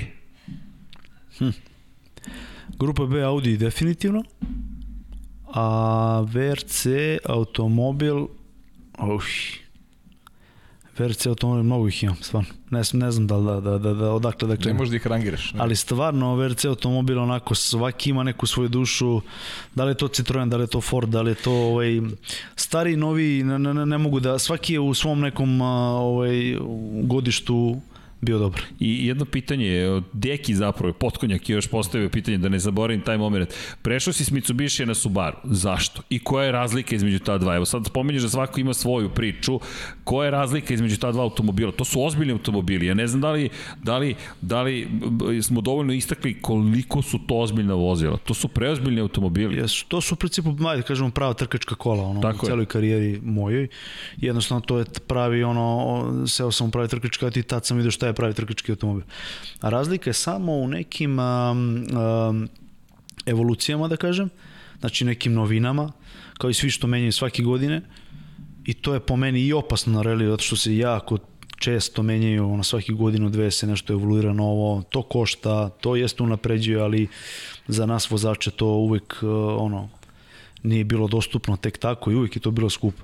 Ali jednostavno s Mitsubishi ja sam prešao Mitsubishi je za nijansu bio brži automobil od Subaru, ali Subaru imao nešto dobro u sebi, a to je to fabričko njegovo jako dobro težište, boxer motor koji je malo niži i tako dalje, dobro leženje, a, i to jako dobro skretanje. Mitsubishi je to malo falilo, ali ajde kažem Mitsubishi uvijek je bio malo brži, ali jednostavno kad stajemo jedan pored drugog, taj Subaru je a, brži ovaj, na brzincu, mm -hmm. napravi bolje vreme od tog Mitsubishi. Naravno, od novije Mitsubishi nije bio brži, a ovaj, uvijek je bio ovaj, tu malo ispod njega, ali jednostavno zavisi od konfiguracije terena. Če više imaš sklonost ka Subaru, a? Pa u principu da, više sam, više sam udušen tim njegovim leženjem. Mitsubishi je malo više onako juriš se, tražiš njim aleluja što kažem, njiše se, dok je Subaru malo karting varijanta mirniji, stabilniji i mm -hmm. tako dalje. E, imaš pozdrav od Pavla Njemeca, pita Hvala. da li znaš ukupnu kilometražu u karijeri? U, dobro pitanje. Hiljadu i po kilometra. Šalim se, stvarno, stvarno ne znam, ali ajde kažemo ovaj, na godišnjem nivou trkačkih kilometara ma hiljadu, hiljadu i nešto, pa ajde kažem puta deset pravih trkačkih kilometara. Nije to nešto puno, ali Opet skromno, ali, ali dobro. Ali, ali dovoljno, dobro. verujte mi. da, ali, ali dobro. Da, i kada već spomenjamo sve te teme i kada pričamo o električnim vozilima i budućnosti i kada pričamo o tome hajde, šta nam sve to, šta nam sve to donosi. Da, svakako dolaze promene, ali vidjet ćemo i naravno kako će se te promene odraziti, ajde da sačekamo da vidimo zapravo šta će se tu sve događati. Kao što kažeš, sve se menja, neko dok se i mi naviknemo na, na, na, na sve ono što je, hajde, oko nas, te potrebno je navikavanje. Mi smo odrasli u zvuk motora, pogotovo atmosferskih motora za početak, pa onda turbo motora i potrebno je vreme, ali tehnološki gledano, zaista impresivno ovo što, što, što se sve dešava u ovom trenutku. Jel si ljubite tehnologiju, jel pratiš, jel si te ikada to zanimalo šta je ispod haube ili si samo gledao iz perspektive, samo, uslovno rečeno, šta tebi daje automobil kao osjećaj i da li ti je to bilo važno da kažeš sebi, aha, ovo je takav motor, da li si taj tip vozača kome je bitno da razume sve ono što se događa u automobilu? Jesam, mnogo volim vozila, volim tu tehničku stvar da vidim kako je napravljeno, uvijek sam postavio to neko pitanje zašto, zašto je, mora da ima četiri točka, zašto mora da ima dva fara, zašto mora da ima motor, zašto mora itd. itd. I volim to da znam i jednostavno volim da vidim promene koje će da, da, da naprave automobil brži. Uh, da će biti lakši, da će biti aerodinamika. Vidimo da sada aerodinamika je dosta ozbiljna u ovim VRC vozilima naspram nekad. Ovi automobili jako podsjeći na ranije onu pravu grupu B sa tim nekim spoilerima ogromnim i tako dalje. Vi kad pogledate, mislim ja to i ja iz nekog ugla, mnogo spoilera, a voziš ga u šumi voziš ga, imaš, imaš kamenje, imaš kako, ovaj, loše uslove i tako dalje, a voziš neku varijantu, da kažem, bolida. Ali eto, kao što vidite, to nema nikakvih problema, uticaja, ali sam čuo da im je dosta poboljšan taj, ta aerodinamika i da su se tu strašno ubrzali ovo novi automobili i jednostavno uh, Uh, volim, volim da znam. Uh, ono što si pitao vezano za um, elektrovozila, to mora da dođe, to će doći, nažalost ne možemo bežimo od toga i mi samo trebamo da se malo ovaj, usresredimo na to, da kažemo ok, to je to, uh, način trkanja će biti takav od sada i jednostavno je to to. Uh, malo će ovaj, isto, isto eto mogli ste vidjeti pa čak i u formuli, to je možda najbolji primer atmosferskog motora i turbo. Uh, To je ogromna razlika u formuli po meni. Znači, Jeste. takav zvuk i onaka, oba su dobra na svoj način, ali jednostavno ovaj, eto, taj turbo je počeo da prevazilazi sve mere. Isto tako po meni će i elektro varijanta da napravi ovaj, ovaj pomak ovo ozbiljan. Jedino što u MotoGP-u još nemamo turbinu, Polako, da. Ali može to da zašišti pa, za koju godinu. Ha, dvojka. Pa da, kada je reč o Formula 1, obratni moment se značajno promenio. Ti kada dobiješ to, to ti to najbolje znaš. Do, do, dođe turbo motor, ono što si rekao, nema više, ob, nema više broja obrtaja. Ne ideš na obrtaj, ideš na obratni moment. I ja stalno ponavljam, citiram Rikija Carmichael, čovjek je legenda na motokrosu, kad smo ga pitali dvotaktaši ili četvorotaktaši, kaže, znaš šta, dvotaktaši su da. dvotaktaši, ali obrtni moment je obrtni moment. Tako je. E, ovaj. Znaš šta je tu samo izvinjam se razlika, kaži, kaži. razlika je velika, turbomotori mnogo se lakše vozi. A, atmosferski motor, to je taj, što mi kažemo, držimo tim nekim visokim obrate. Tu je mala greška neka koja napraviš, ti već moraš brzinu više i tako dalje. A, ili niže. Ne bi li se sad vratio u, u ono gde si krenuo, ali ali u principu sa turbo motorom on prašta te greške neki, može da ostaneš u istoj brzini i tako dalje. Zato on mnogo lakši, ali ima neki svoj novi čudni stil uh, uh, vožnje, aj kažem, ne mu kažem na reli, to već dugo postojali, na, u formuli isto. Doduše, na formuli se možda to čak i ne vidi tako, ali, ali, ali ovaj, jednostavno velika to razlika. Da, Formula je moćna, mm. 1022 konjske snage. Inače, da. samo da napomenu pitanje da li će biti priča o Formula 1. Hoće. Biće, naravno, Hoće. biće. Ali poštujemo, ispoštujemo Poštujemo goste. Evo, evo, evo, ga, evo ga i Marković, uključio se. Odlično. Kaže, odlično. pitaj ga kako pali kilo grupe N. Ako može imitacija, znamo šta to znači. A može i Mitsubishi, Mitsubishi na kočenju i nemoj da se stidi. Slušaj, to ćemo, to sve umem nije problem, ali ovo, ovo, ovo je zabavna emisija Igora. Jeste. Tako da ovaj, to ćemo nekom drugom prilikom kad budemo seli u kafa, ka, kafanu. U utorkom U- u gde se skupljaju biblioteku. re, relisti. Tako je, tako, tako je. Dobro. Da, pitanje za Vlada, Vladanak, da li si bio na Formula 1 i za koga navijaš u Formula 1? Formula 1, ja sam bio na stare dok je vozio naš, da kažemo, moj idol Damon Hill i to sam vozio, to sam gledao ovaj, naravno tu nama blizu Mađarska i o, tad sam video stvarno uživo koliko to nema veze sa televizijom i prenosom tih zvukova i svega toga. Jednostavno da ti ne možeš da gledaš celu trku do kraja, iako i to volim, jednostavno i onim, da kažem, čepićima za uši i takvim nekim zvukom da ne možeš da izdržiš da, da pogledaš svih, ne znam koliko krugova je bilo i te brzine prolaza gde ti se bukvalno non stop njivo, njivo, njivo idu kao ono, kao neke raketice da ispaljuju. A, i jednostavno to nisam primetio na TV-u kad sam gledao formulu nikada dok nisam jednostavno došao da vidim a, uživo. Mm. i to je stvarno neka druga druga dimenzija. To je pogotovo sada ja pričam o nekim starim formulama koje su ok bile brze a ovo sad je Ovaj, e, na, nažalost, vezano za formulu, kad treba da odirnemo, malo mi se, malo sam, malo izbegavam u gledanju, ne zbog vas, nego vi ste stvarno super i u MotoGP i u formuli, ali jednostavno malo izbegavam jer nekako znam pobednika. Predvidivo je, da. Vrlo, vrlo malo mogu da pogrešim. Ma čak i prvi, drugi, treći, četvrti. I onda mi to malo, ovaj, e, malo, malo mi je ovaj, nedopadljivo. Jedino što mi se stvarno dopada, tehnika. Znači, tehnički a, savršenstva, gume, točkovi, ekipa, zamena tih točkova recimo o, prateće ta ekipa ko šta radi to mi je to mi je onako baš baš baš uh -huh. to mi se mnogo sviđa mislim da ljudi mnogo malo znaju o tome ali to je ono mm, to je svaka čast na tome to je utreniranost neverovatno to mi se sviđa Ali zanimljivo, Pa- Damon Hill ti idol. Da, da, to je stvarno interesantno. bio da Bio pa dobro. nekako okay. tad je on bio ono wow znaš mm. inače sena je sena što se toga tiče njega sam baš ono ovaj voleo ovaj ali ok, svaki svaki takmičar je po meni ono svaka čast kad se vežeš i kreneš da voziš po meni svaka čast skidam kapu svakome da li si prvi srednji ili zadnji nebitno je Da, I jedno dobro pitanje. Pogon na sva četiri točka ili na dva? četiri, četiri. Četiri. četiri, može dva ponekad prednja, uvek sam je voleo više od svega, dok nisam video četiri, e onda četvrti je promenio neki svoj stil vožnje, ali dobro i zadnje.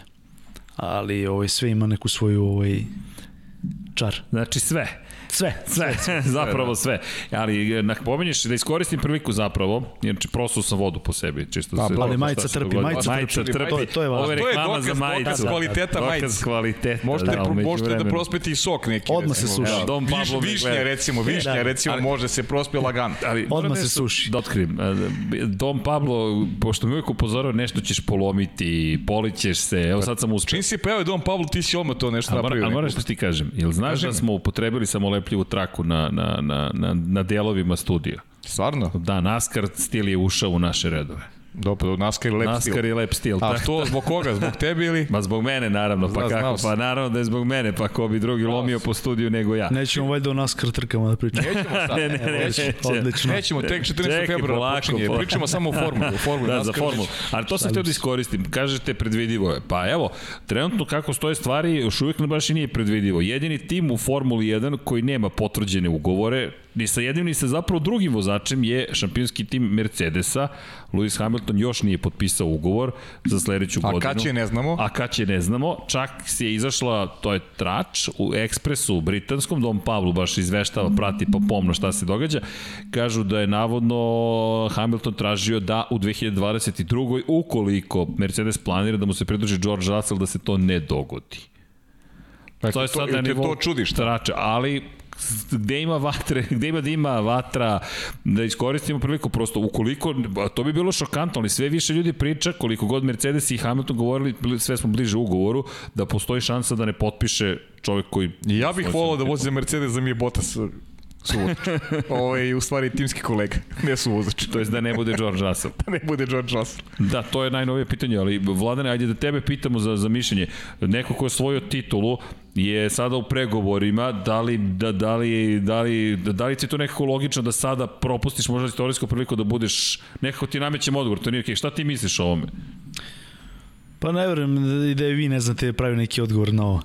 A, mislim da je mm, a, neka vjerojatno malo priča da čisto se malo zakukulji, zamumulji, da bi se malo eto pričalo o tome, ali verujem da će to da bude sve isto kao što je bilo. Ja? Pazi, Da, tako Hamza, i tako. Neće to, da. kada budu krenule trke dan pre trku, bit će to, e, ovo je ovaj kao što je bilo, ovaj, Ba, Da, evo komentar naših gledalaca i pozdrav svima. Hamza Hadžić. Hamilton nije potpisao ugovor samo kako bi se njemu pričalo i van sezone. Dakle, Komentar. pa- Dakle, to Mercedes me ne bi iznadilo da, je, da su se dogovorili Pa da. i rekli, ej, ajmo da budemo glavna tema i tokom međusezone. I dok se bave našim ugovorom, mi mirno i radimo strpljivo na razvoju bolida, pa kad dođe sezona da nastavimo gde smo stali prošle godine. ne vidim ja da, da tu nešto njima ne odgovara. Isto, I njemu i, i njima, ali. Dobro? Slažem se, Vlado, slažem se. Dobro, ali činjenica da je, da je to, to jedna od najvećih priča koju imamo, pa eto, možda je i veštački stvorena. Pa da, nemamo neku Postoji. priču u odnosu na prošli podcast. Imamo Važno Privija je- koji je potvrđen za Da. Alpinu. Davide Brivio došao u Alpinu. Tako je, da, zvanično. To je bitno. Alpina je prezentovala prelazni bolid, koliko god to zvučalo sada čudno. Međutim, ima tu par priča. Za one koji ne znaju, Cyril Abitebul je nekadašnji sada već zaposleni Renault bivši, otišao je sa pozicije šefa ekipe Renault, Davide Brivio koji je vodio Suzuki u Moto Grand Prix do titule šampiona sveta zajedno s Joanom Mirom, prešao je u Formulu 1 i bit će zapravo trkački direktor ekipe Alpine, nekadašnjeg Renaulta, u kojem je sada Fernando Alonso, to je stigao, pridružio se zapravo Estebanu Okonu Fernando Alonso, zamenio Daniela Ricarda. Alpina je plan, planirala ove godine da predstavi to kompletno rebrendiranje, gde imate tri aspekta, imate Dačiju, koje je budžetko, budžetsko vozilo, to je robna marka, imate mainstream, kako su nazvali Renault, i imate treći aspekt, to je Alpina. Alpina koja je za early adopters, za one koji rano usvajaju nove tehnologije. A, menja se način na koji se prezentuju kategorije i Vladane, gledam ka tebi, s obzirom činjenicu da ti si u tom svetu, pratiš to, oni su to nazvali Renolution. Dakle, nije Revolution, nego Renolution, gde unose zapravo kao da žele da nam saopšte da se svet promeni u tom kontekstu. Sada ne govorimo o premium klasi Alpine, nego early adopters. Ti si, i moja pretpostavka da će Alpina biti nosilac novih tehnologija. Ti si onaj koji želi najnoviju stvar. Šta god ta stvar bila, to je taj čuveni early adopter, a onda dolazi ciklus kada to postaje mainstream. Ko želi budžetsko vozilo, dobit će mogućnost da to radi kroz robnu marku Dacia. Onda Dacia, Renault i Alpina su nosioci tri ta to čuvena pilara, to jest stuba koje nose, to su predstavili, pri čemu je Dacia zajedno sa Alpinom najuža, a najširi Renault, što je logično, i onda Davide Brivio dolazi u tu celu priču, Loran Rossi je preuzeo da bude izvršni direktor kompletne grupacije Alpine zapravo, gde je trebalo da bude se Abitebul, ono što je čudno, niko iz Renault se ne oglašava previše Abitebul, upao je Brivio u celu priču i sad Pa ne Dobijemo- se, to očigledno im odgovara ta... Pa, deluje, opcija, ali, ne ali kao da ih je, kao da je nije to bio plan. I još jedna bitna stvar, predstavili su crni bolid i rekli prave boje ćete tek videti jednog dana. Alpina je plava, čuvena je po tome. Da. Mm. Mi očekujemo plavu boju. Plavo, si- zasigurno, to je to stvarno boje Renault, ali ovaj, Alpine. Ali dobro, to su sad vjerojatno neke ovaj, njihove igrice koje će vjerojatno ćemo razumeti kad sve to krene, ja, da vidimo o čemu se tu radi kakav im je tu put. Da, interesantno je to iz MotoGP-a stižu u Formulu 1. Ti pratiš MotoGP, sve se povezalo. E, vidiš, i rally popularizujemo. Inače imaš pozdrav od GP Balkanaca koji su rekli, sad ste me zainteresovali za rally, u petak počinjem da pratim rally Monte Carlo topla preporuka, pratite gde god. Mi, dakle, mi se bavimo sportom i ljubavlju prema sportom. Rally Obavezno. je ozbiljna disciplina. E da, jedno pitanje je bilo, da li ti vidiš da ne, uspeh, kako ti izdeluje uspeh Kimira i Konena, pa i Roberta Kubice u reliju? Ja pamtim 90. na primjer, petu, kada su Martin Brandl i Colin McRae menjali svoja vozila, pa je u Jordan došao Colin McRae, bio u manje od jedne sekunde od Brandlovog vremena, a Brandl nije mogao ni u, ja mislim, 10 sekundi da bude na brzincu u odnosu na Mekrea. Imam utisak da je lakše reli vozačima da se prilagode krugu, kružnim trkama. Zasigurno ovaj, stojim iza toga. Dok je mnogo teže da se prilagode bilo koji vozači, recimo iz Formule, lupa MotoGP-a, ovaj, na Sem Valentina Rosija. To sam te da te pitam. Tako je.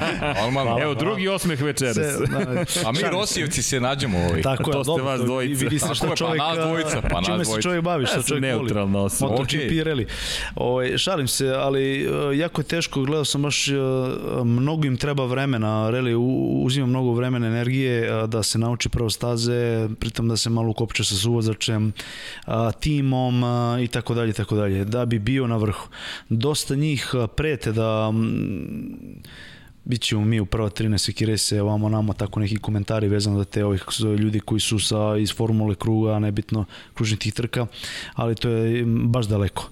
Baš daleko, takođe i onaj poznati Travis Pastrana ili ne znam tamo Ken Block, sve to super izgleda uh, filmski, ali nema to veze sa relijem pravim, reli je mnogo težak, uh, mogu da voze stvarno uh, dve, tri sezone da vežbaju, pa četvrto dođu opet ne mogu da uđu u prvi, Da, to je da, stvarno teško. Izvini, Ken baš Block, je, kako se proveo kada je pokušao da, Da. vozi reli. Da. prosto ni- nije ga bilo u prvih 10-15, a ne, ne, ti to je. E, kas, Ne mora da bude u prvih 10-15, dovoljno je vreme, jednog brzinica, kad ti kasniš minut, pola minute, to je straubalno. E, To je straubalno. kad smo kod Relija, Jovan Milošević javlja, kaže, pitanje za Vlado, ko od bugarskih posada protiv kojih takmiča na New Reliju je na njega ostao najjači utisak što se tiče- kvaliteta vožnje? Veliki pozdrav imaš od Jovana Miloševića. Hvala puno, pa Krum Dončev, Jasen Popov i Dimitar Ilijev. Od, eh, to su moja tri najveća konkurenta, od toga je najtačniji uh, Dimitar Ilijev i u principu ja mislim od boljih, mislim da nijedan su bolji od uh, dva vozača Krum Dončeva i uh, Jasena Popova. Sa, sva trojica su vozili ovaj predstojeći rally koji, vam, koji nam sad ide Monte Carlo. Najbolje se pokazuje Jasen Popov. Čak i u toj klasi M4 tada u to vreme bio i prvi u toj klasi da je onako stvarno oduševio sve živo, ali nažalost imao peha ono da li pretposlednji brzinac neko izletanje odlično neko izletanje dole ovaj, tamo kad izletiš ne može da bude normalno. Onako neku provalio da je uništio auto sve sreće oni su dobro živi zdravi ali ovaj, on je tu pokazao stvarno vrhunsku vožnju. Ja sam Popo vozi za publiku što mi kažemo dosta nemiran automobil, dok je Dimitar Ilijev um, dosta smirenije, smireni, smireni, smireniji stil vožnje. -huh. ovaj, tako da jednostavno za nas ostavlja utisak više Popov, čak i uh, Dončev, ali jednostavno Ilijev je njihov možda i najbolji vozač. E, a pazi, imaš od, od Andreja Miloševića jedno pitanje. Koji bolid Formula 1 bi volio da testiraš u predsezoni? Pa Subaru Impreza ili Mitsubishi Evolution neki, tako da... pa mislim da Formula testiram, ja Formula 1 šalim se, ovaj, uh, čad, daj šta daš, stvarno mi je to nekako... Baš ti svejedno, a? Baš mi svejedno, bukvalno mi svejedno. Naravno da bi svi Mercedes, ajde kažeš McLarena, um, ali šta znam, nekako mi je, formula mi je formula. Svi su oni tu slični. Uh -huh. Isto to mislim i za rally automobile, znači ono, kad su timske fabričke, fabričke varijante, svi su dobre, i Hyundai, i Peugeot, i Citroen, i lupam uh, uh, Volkswagen, tako da ono, Ali, izvini, zanimljivo, kad spominješ McLaren, McLaren koji se nekako vratio, evo i majice da, je to da. u velikom stilu, hvala da. Tom Pablo.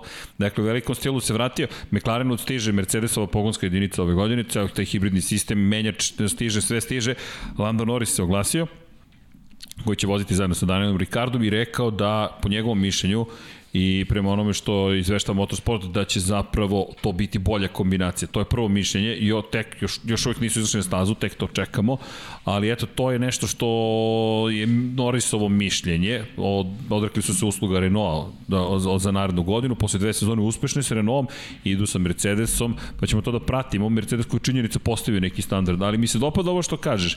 I da, velika je razlika kada je reč o Mercedesu, međutim ostali su dosta izjednačeni, Red Bull, Mercedes se se, se izdvojili. Ostali su tu.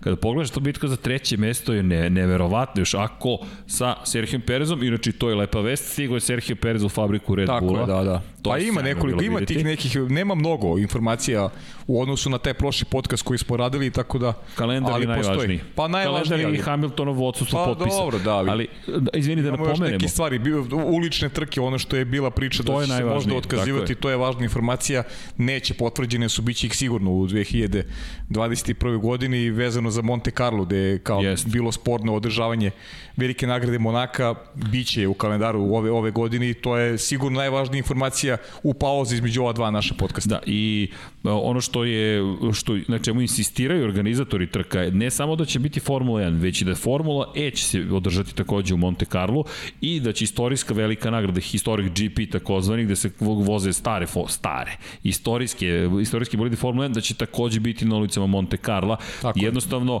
koliko god da je zahtevna, teška situacija, a činjenica da je teška, COVID-19, sad ova nova mutacija, uh, utiče na to da su karantini sve oštri i oštri, nekako i Monako i Formula 1 žele da nađu načina, pa i ostali organizatori, da ipak se dese sve te trke, da nastavi se što je normalnije moguće sa organizacijom, koje su sad, koje za, koje možemo reći ideja, rekao bih, iza svega toga. Moje ubeđenje, još ne znamo, ali tražit ćemo i komentar organizatora, jeste da zapravo želimo da, na, da žele da bude što normalnije situacija s jedne strane, s druge strane nema odustajanja. Ako se predate dva puta za redom, ako se predate treći put za redom, da li vam to ugrožava neka buduća organizacija? Da li ćemo Naravno. sutra da kažemo, ok, nema više, jednostavno, nema svrhe, svet se promenio. Ne, želimo da se, naravno da svet da napreduje, ali ne želim da se promeni zbog COVID-19 toliko da sada mi moramo i dalje da budemo na distancama i da ne možemo da budemo društvena bića. Pa dobro, sad vajda i, i ove vakcine i ne znam, ono, vajda Pa da. će neke stvari da se promene vremena, vidit ćemo kako Potraće se stvari- malo, ali mislim da će Tako to je. sve se vrati u neku svoju Pa, normalu. trebalo bi, da. Držimo palčeve. Bukvalno Život držimo je palčeve. bukvalno malo stao u ovih, ovih godinu dana, evo, još malo, ali verujem da se stvari menjaju na bolje, pa Moramo Mislim, budemo optimisti. Kako je u ostalim sportovima, u formuli je zaista dobro što se tiče Jeste, toga. Stvarno, jeste, da. ovo je okej.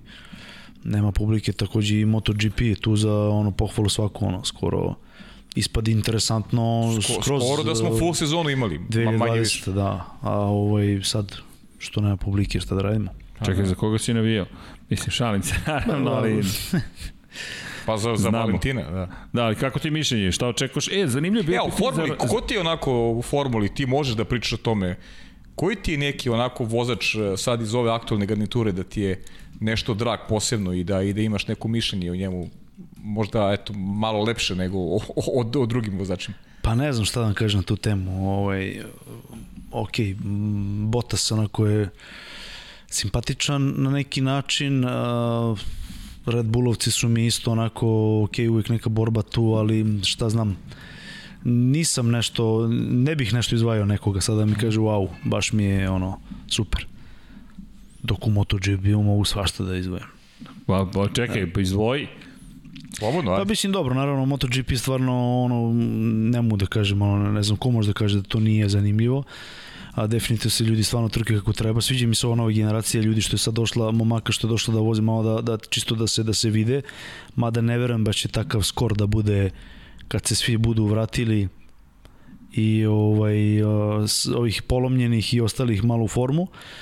Mm, definitivno ovaj ima tu dosta dobrih uh, trkača i jednostavno onako ono jedva čekam da krene sezona da vidim da mi iznenadi neko novi ali definitivno ovaj, ok, Ross je tu kao figura on je uvijek bio car ali um, ovi ostali ovi ostali mladi će ja mislim pokazati u ovoj sezoni ono gde su i šta su od početka Da, strpljivo čekamo. Strpljivo čekamo vidimo kada će tačno početi Da, sezona. I, da. a, i, i, samo bih dodao još par stvari. sutra. Da, ima, ima još jedna veli, važna po meni vest, po mom mišljenju. Frederik Vesti. Potpisao je za juniorsku Vesti, ekipu da, da, da. Mercedesa. Jest, to je jest, velika stvar. jest. Dosta Ali pričali baš Vesti. baš me čudi da je Vesti potpisao. Negde smo ga apostrofirali kao zaista sjajan. Frederik Jest. Vesti danac, izvanredan talenat i on je bio taj treći premovac u, u Formuli 3 sjajno vozio. Trke koje je završio su bile fenomenalne, zaista. On ima malo više pehova. To su one stvari, e, e, tre, kvalifikacije, prva trka, gde ako nemate sreću u prvoj trci u Formuli 3, automatski ste u drugoj trci e, u nekom inferiornom položaju ili nemate dobar start na, na, u toj sprint trci. I on imao te, te nekoliko tih vezanih vikenda da je loše prolazio, ali a, pazi, od tih premojih vozača u Formuli 3, Moram ti priznam, srđani, ja bih pre digo uh, dva prsta za Frederika Vestija nego za Oskara Pjastrija i za, i za Sargenta. A pričali smo o Vestiju i ti si baš insistirao na tome koliko je Vesti zapravo opas. On je nekadašnji šampion danski u reliju i izuzetno su svi talentovani. Svako ko stigne do Formule 3, Ali Formule 2. meni se najviše dopada Vesti Ali- od, od svih premovaca u Formuli 3. Da, iskreno. i tokom komentarisanja i tokom prenosa znam da si pričao dosta o Vestiju i tome šta očekuješ zapravo njega i ka, kako to može da izgleda. Tako da nije nužno iznenađenje, Nije, nije. mada nisam baš očekivao odmah da će da iskreno, da. potpiše Mercedes, ali, ali to je super i on je rekao raditi za najveći tim, najbolji tim, imati ugovor sa ovom ekipom, ostvarenje sna. Da, sjajno. Ali bih se nadovezio na priču o Georgeu Russellu i kako to utiče sutra i na Georgea Russella, jer vreme teče, dolaze novi klinci, to je ono čemu smo pričali. Naravno. Ako I to je pitanje sreće. Ako ti se ne otvore prava vrata u pravom trenutku, koliko god da si talentovan, Džabe, da. prođe. Ja bi baš volao da vidim kako će uh, malo da menjam temu sad recimo u MotoGP-u Marquez da se vrati. To me zanima zato što onako kad izgubiš malo ritam a ovaj onako baš ispropustio dosta trka, da vidim kako može se vratiš, kojom brzinom možeš se vratiti, ako može da se vratiš na na na na ovaj na tu da kažem na ta prva mesta ne znam, mnogo ima tu konkurencije, mnogo, to, to mi se dopada, ono, jedva čekam da vidim kako će to da krene. Krene onako, ovaj, kao svaka sezona, onako naivno, ali se završi ovaj, nevjerojatno dobro. Zato mi se dopada te MotoGP što, što jednostavno svi voze, teraju kako treba, a, iznenađuju. A, mislim da su tu i neke timske igre, isto onako da kažem i važne i fino se dogovaraju, tako da ono, jedva čekam to da vidim. Ne kažem, ovaj, propratim i neku formulicu, ali nisam previše zainteresovan. A Baš reali? iz tog razloga, zato što nekako mi je kompjuterska igra, ajde kad moram da se izrazim, nekako mi je više onako, ajde sad da vidimo koga ćemo da stavimo prvi, pa klik i eto ga, taj je. Na neki način, naravno, ne, ne pričamo o, o ovim prvoj dvojici, ali o, ipak ovaj MotoGP je nešto posebno, stvarno. A Reli, ili uspevaš da pratiš? A Reli, da, ovaj, dosta i on pao kao, kao, kao sport, ne mogu da kažem. Ovaj, ima takmičenja, onako, i, i ne puno, ali uh, ono, deša, ima tu, da kažem, ono, 3-4 tima, jel, koji se kao su ono u, u žaru ali ne znam, nisam nešto, nisam nešto oduševljen ni tu trenutnom situacijom. Ne možemo da gledamo kao reper Monte Carlo, tu izađu svi i koji trebaju da vozi i koji ne trebaju da vozi, jednostavno to je takav reli. Ovaj, ali ne sviđa mi se što posle to u sezoni nije tako do kraja, nego jednostavno ovaj, nekoga ima na sledećem reliju, pa neko nema ovaj, aranžman i tako dalje. Onda to već malo, ono, zamislite recimo Hamiltona da vozi prvo, a drugu i treću ne. Znaš, pa onda se vrati posle pa, ono, znaš, malo mi je, malo mi nema ono Ja, kontinuitet. razvodnjava se takmičenje. Jeste. Da. A da li to, misliš to, da... to, je, to, je, to je malo kod reli, primetio sam problem. I nisu ti svi, vo- mislim svi jesu, ali ono, u pola sezone se dosta stvari izmeni. Znaš, nije sad fazom da gledamo prvu trojicu, četvoricu, pri 15 da budu stalno tu i da se nekako bore. Eto, dajem primjer kao MotoGP, sem da nemaš neku nezgodu, to je sad Pa, Druga evo stvar. komentar, co www, pa, kaže, nema idola kao nekada. Nekako Nema. kao da nedostaje ličnost koja će da te privuče i povuče. Jer A to je svakom sportu treba. za ljude. Da, svakom sportu to treba, to je da. to. Ne pominjemo Rosija bez veze, to je stvarno idol koji je jednostavno ne možemo da imamo takvog idola i to je to. Ko to nije doživeo, predlažem da ide u, u, u Muđelo da vidi kako to izgleda jednostavno nego da se okrene što je 46-ica broj ili nešto žuto viori i to je, to je neverovatno koliko to ljudi vole i koliko to zanimljivo. Pa da, to je ono što ne manjka formuli, recimo, znaš, ti Da. imaš tu idola, imaš Hamilton, imaš Vetela, znaš, imaš Alonsa sada koji se vraća, Ličnost. imaš, imaš Maxa koji je ljubimac ove mlađe generacije, imaš Ricarda koji takođe ima svoju bazu navijača, ima- na- imaš ličnosti. Perez koji je iskočio, Perez, tako je, znači, Charles Leclerc. mnogo važne su te ličnosti, a ti to u, u formuli imaš, imaš u, moto, u MotoGP-u. A ako nemaš u nekom sportu za koga da se veziš, za, za, za osobu za koju će, za lika, za, za uh, takmičara ko- koga ćeš da, da podržavaš, to je onda Jeste. šuplja priča, realno. A meni je nevjerovatno to što spominješ, na primjer, kada pogledam Reli, opet vraćam se u neke moje, mla, mnogo mlađe godine i te godine 90-ih, kada pomislim, evo, o, mi ovde imamo Da, da, da, da se zahvalim. I to, kako je to 10 godina kasnije, ali prepoznatljivi, aj boje, prepoznatljivi su, su je i izgled automobila. Inače, pozdrav za Denija, statističar, otac jednog našeg prijatelja, Rally World, koji nam je, World Rallying, koji nam je poklonio. Inače, našao si sebe u ovoj knjizi, 2004. 2005. Yes. na spisku, na spisku. Na spisku si da. sjajno, ali ovaj Subaru koji tu stoji, ne spominjem ga zbog tebe, prosto Subaru, asocijacija meni dalje Colin McRae. Nekako, u mojoj glavi nema, nema, i Mitsubishi kad spomeneš se svetim Tomija Makinena, koji je sada da, šef, to je sada više nije, ali to, to su mene te, te, te ličnosti. To je baš to idoli što kažeš, ovaj, da. mada mislim da je i u Formula isto, ono, Michael Schumacher, ne znam, a, svi ti nekako kad to pomeneš i danas nekoga, ok, nije to baš isto može Hamilton da bude dva puta još Hamilton, ali je to to. Takođe mislim, ok, ajde sam MotoGP je nešto drugo, stvarno nešto drugo. Opet pominjem po stoti put, zato i volim da ga nekako pratim, zanimljiv mi je, jer dan danas mnogo favorita ima i, i jako je zanimljivo. A, Tako da... Izmeni, Rossi u reliju, A, pa dobro, jako dobar, ali naravno da to malo i, i ovaj, više on e, radi zbog svoje neke ono da... Zabave. Zabave, tako i, i nije on, opet kogo da je Rossi ovaj, car i jeste to, ovaj, ne može naravno se takmići u reliju gde, gde su ovi jaki, je tako, jake glave što mi kažemo, zato što tu stvarno treba puno treninga, puno... Ono, Ti vola da izvini da voziš protiv njega? Reali. Bi, što da ne. To bi bilo zabavno. ne. Volao bi da vozim stvarno ovaj, da vidim, mada kažem, opet sam vidio to ovde kod nas sa Heroenom, mada to vjerojatno nije bio njegov neki maksimum, ali kad dođe neki um, baš, baš profesionalac. Mi jesmo profesionalci do nekle u našoj zemlji, jel? Ali kad dođe neko koji stoji tim iza njega, da on dođe, jel tako, jel? I da oni to lepo istreniraju i, i, i odvoze kako treba da se odvoza po njima, da, da vidim gde smo mi sa njima, da. E, a jedno pitanje, izvini, VRX, uh -huh rally cross, dakle, kako ti to izgleda?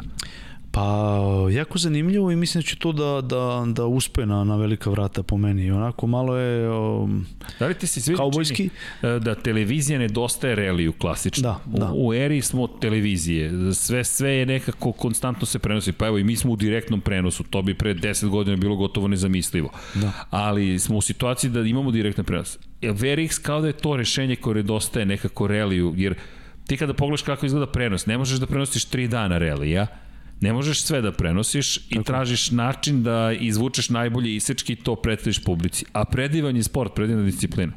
A, to jeste problem relija zato što reli se, da kažem, ne vozi ne u krugu nekom, jel? Gde ti možeš sada da to obezbediš ti četiri kamere i da jednostavno pratiš i, celu situaciju i komentarišeš. A ovo jednostavno imaš neki star cilj, neki ovaj, um, um, par dana se vozi jel? i stvarno je teško ovaj, pratiti i drugčiji su rezultati, ne vidiš ti tu trenutnu neku borbu jednog, drugog, trećeg, nego jednostavno gledaš po nekim rezultatima i možda čak u momentu nekog e, televizijskog gledanja prenosa to ljudima deluje neinteresantno, jel, prođe jedan, dva put, pa dobro, ništa strašno, znaš, ono, dok ne vidi neku akciju, jel, dok ne vidi nešto, koliko ima, koliko ima akcije lupom na formuli ili ti na, na, na, na, na MotoGP, uvek uh -huh. se mhm. nešto u momentu tih sat, sati podešava, ovde dva dana ovaj live-a je problem naći znaš, ono, ne, neki, nešto će ljude da, da baš onako baci da, na, na to gledanje. Da. da baš i onako, ali interesantno je, reli jako interesantno za gledanje uživo, to, to isto treba da se doživi. A ovaj tako da se jednog na drugog na drugi brzinac uh, se ide i to je neka tako je to ono opuštajuća atmosfera koja ono ljudi zavole. Da, to je i ono što je bila nekako ideja Verix kada je počeo, kada pogledaš bivše zvezde Relija koje su ušle da voze vrlo ozbiljne automobile. Da. Mi govorimo o preko 600 konjskih snaga, 650 konjskih snaga koje ti voziš kao da si u igrici praktično i to je ono što je meni negde impresivno da vidimo šta, je, šta, je, šta to oni mogu da učini, kako to izgleda to jedan pored drugog. I ti se takmičeš i onda to nekako i uvod ka reliju. Sad vidjet ćemo šta će se sve desiti, ali meni Verix vrlo zabavan. Jeste, dobra stvar. Mi smo jednu, jednu varijantu tu imali skup šampiona, da kažem, svih šampiona te godine recimo ovaj, Evrope gde sam ajde kažem učestvovao u, u Hrvatskoj na nekom paralel slalom reliju to je dobra, dobra stvar napravljena a, dva ista automobila i samo se vozači o, menjaju i, i jel takmiče i onda onako ljudi mogu da gledaju u jednom krugu jel kao ovaj, da ne kažem NASCAR, Jasno. gde se dvojica, jel tako, takmiče, imaju neka svoje vremena i onda, eto, ko otpada, otpada, ko pobeđuje, pobeđuje, ali jako interesantno i pozvali su baš onako a, neke likove sa Izraelija, visoke, vis, visoka imena i onda to bilo jako, jako zanimljivo, super, svaka čast ljudima koji su to napravili. Ima, ima mnogo zanimljivih momenta. Evo sad čitam i dalje pitanja i neki traže više formule, neki traže više relije i tako dalje. Da, pitanje, izvini, sad malo te zadržamo, ali ne zameri, okrali smo ti vreme. Race of Champions.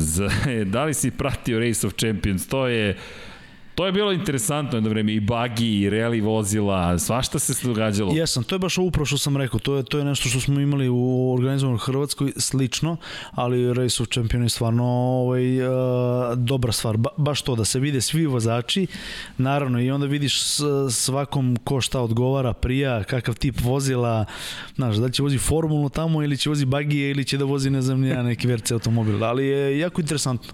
Malo ovaj, jeste sa otpala ta, to ne i gledanost u ono neko zadnje vreme, ne znam zašto se sa to malo ovaj, onako nije baš idealno, ali dobro, šta da radimo. Inače, ne prestaju pitanja, imaš ti još neka pitanja? Nema, evo, Mi Vladana nekako da pustimo kući čoveka, gledam, pa. ali da, mišljenje o Delti Integrale. Pa, ono, vrhunsko vozilo u svoje vreme, ono, Italijan kad napravi, ne sam sad da kažem baš da je i najidealnije, u ispravnosti, alfa varijanta, žalim se naravno, ovaj, ali je neverovatan izgled i dan danas i sve mu je veća vrednost i dan danas, iako toliko stara, ali je super automobil u to doba, neverovatan. Na Lanča Delta Integrale. Da. Kada se, a Lanča koja je tada bila automobil koji je bio trkački automobil, vremenom je postao gradski automobil, postao je gradski automobil namenjen, namenjen ne, damama pre, više, to ne znači da reli nije namenjen damama, ali je prosto potpuno promjena bila i nekako nam i stari pamtimo Lanču iz neke druge priče, a sad se Lanče prezentuje u nekoj druge priče. Bilo je tu neki pitanje da li će se Lanča nekada neće se nikad više vratiti u, u to. Prosto, prosto vreme koje je daleko, daleko iza nas. Ali, ali opet bilo to zanimljivo. Mislim da je za Lanču bilo još nekoliko pitanja.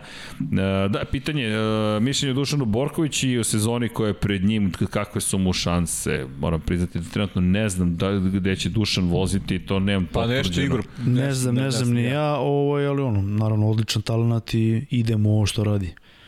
Da, ali čekamo. Meni je ono što je fenomenalno tu na njegovom drugom mestu iz Suzuki na primjer. Uh mhm. -huh. To je jedna od stvari koje se pamte. Odiš u Suzuku i ostvariš dobar rezultat. Da, to je stvarno odlično. To je nevjerovatno. Pitanje Audi ili Lanča 1983. Mislim si odgovorio da si rekao Audi.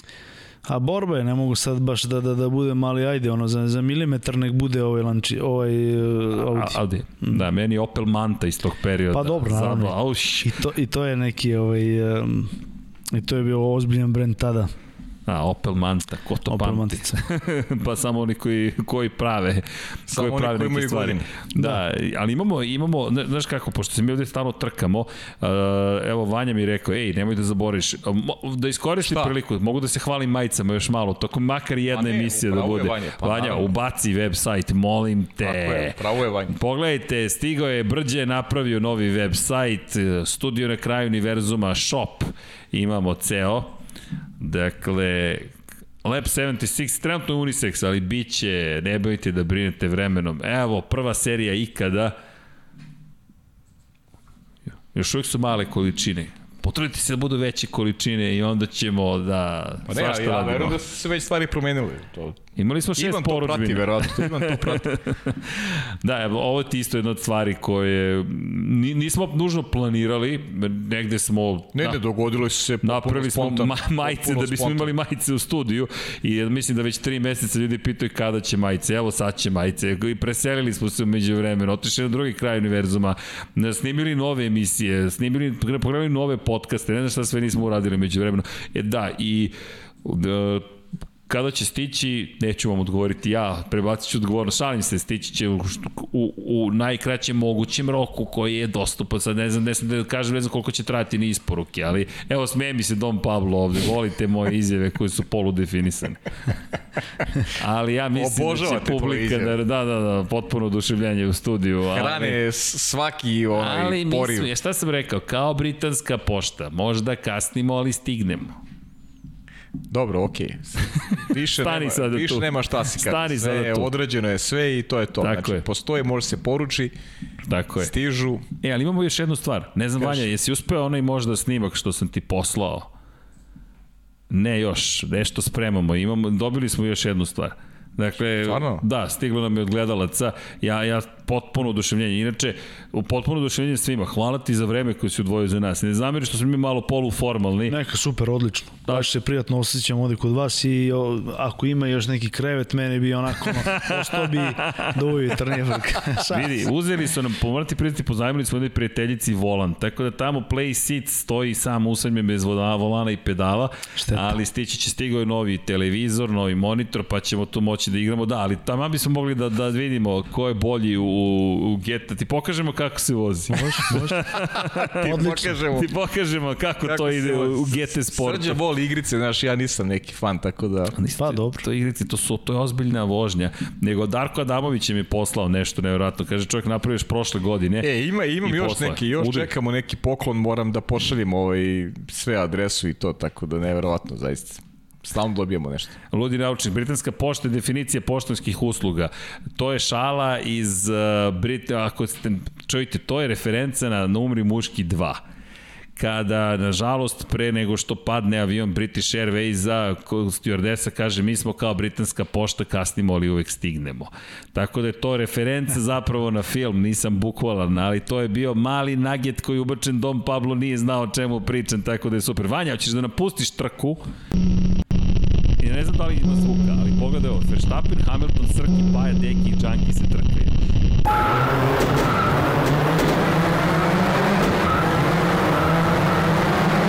Pazi, ne znam ko će da pobedi.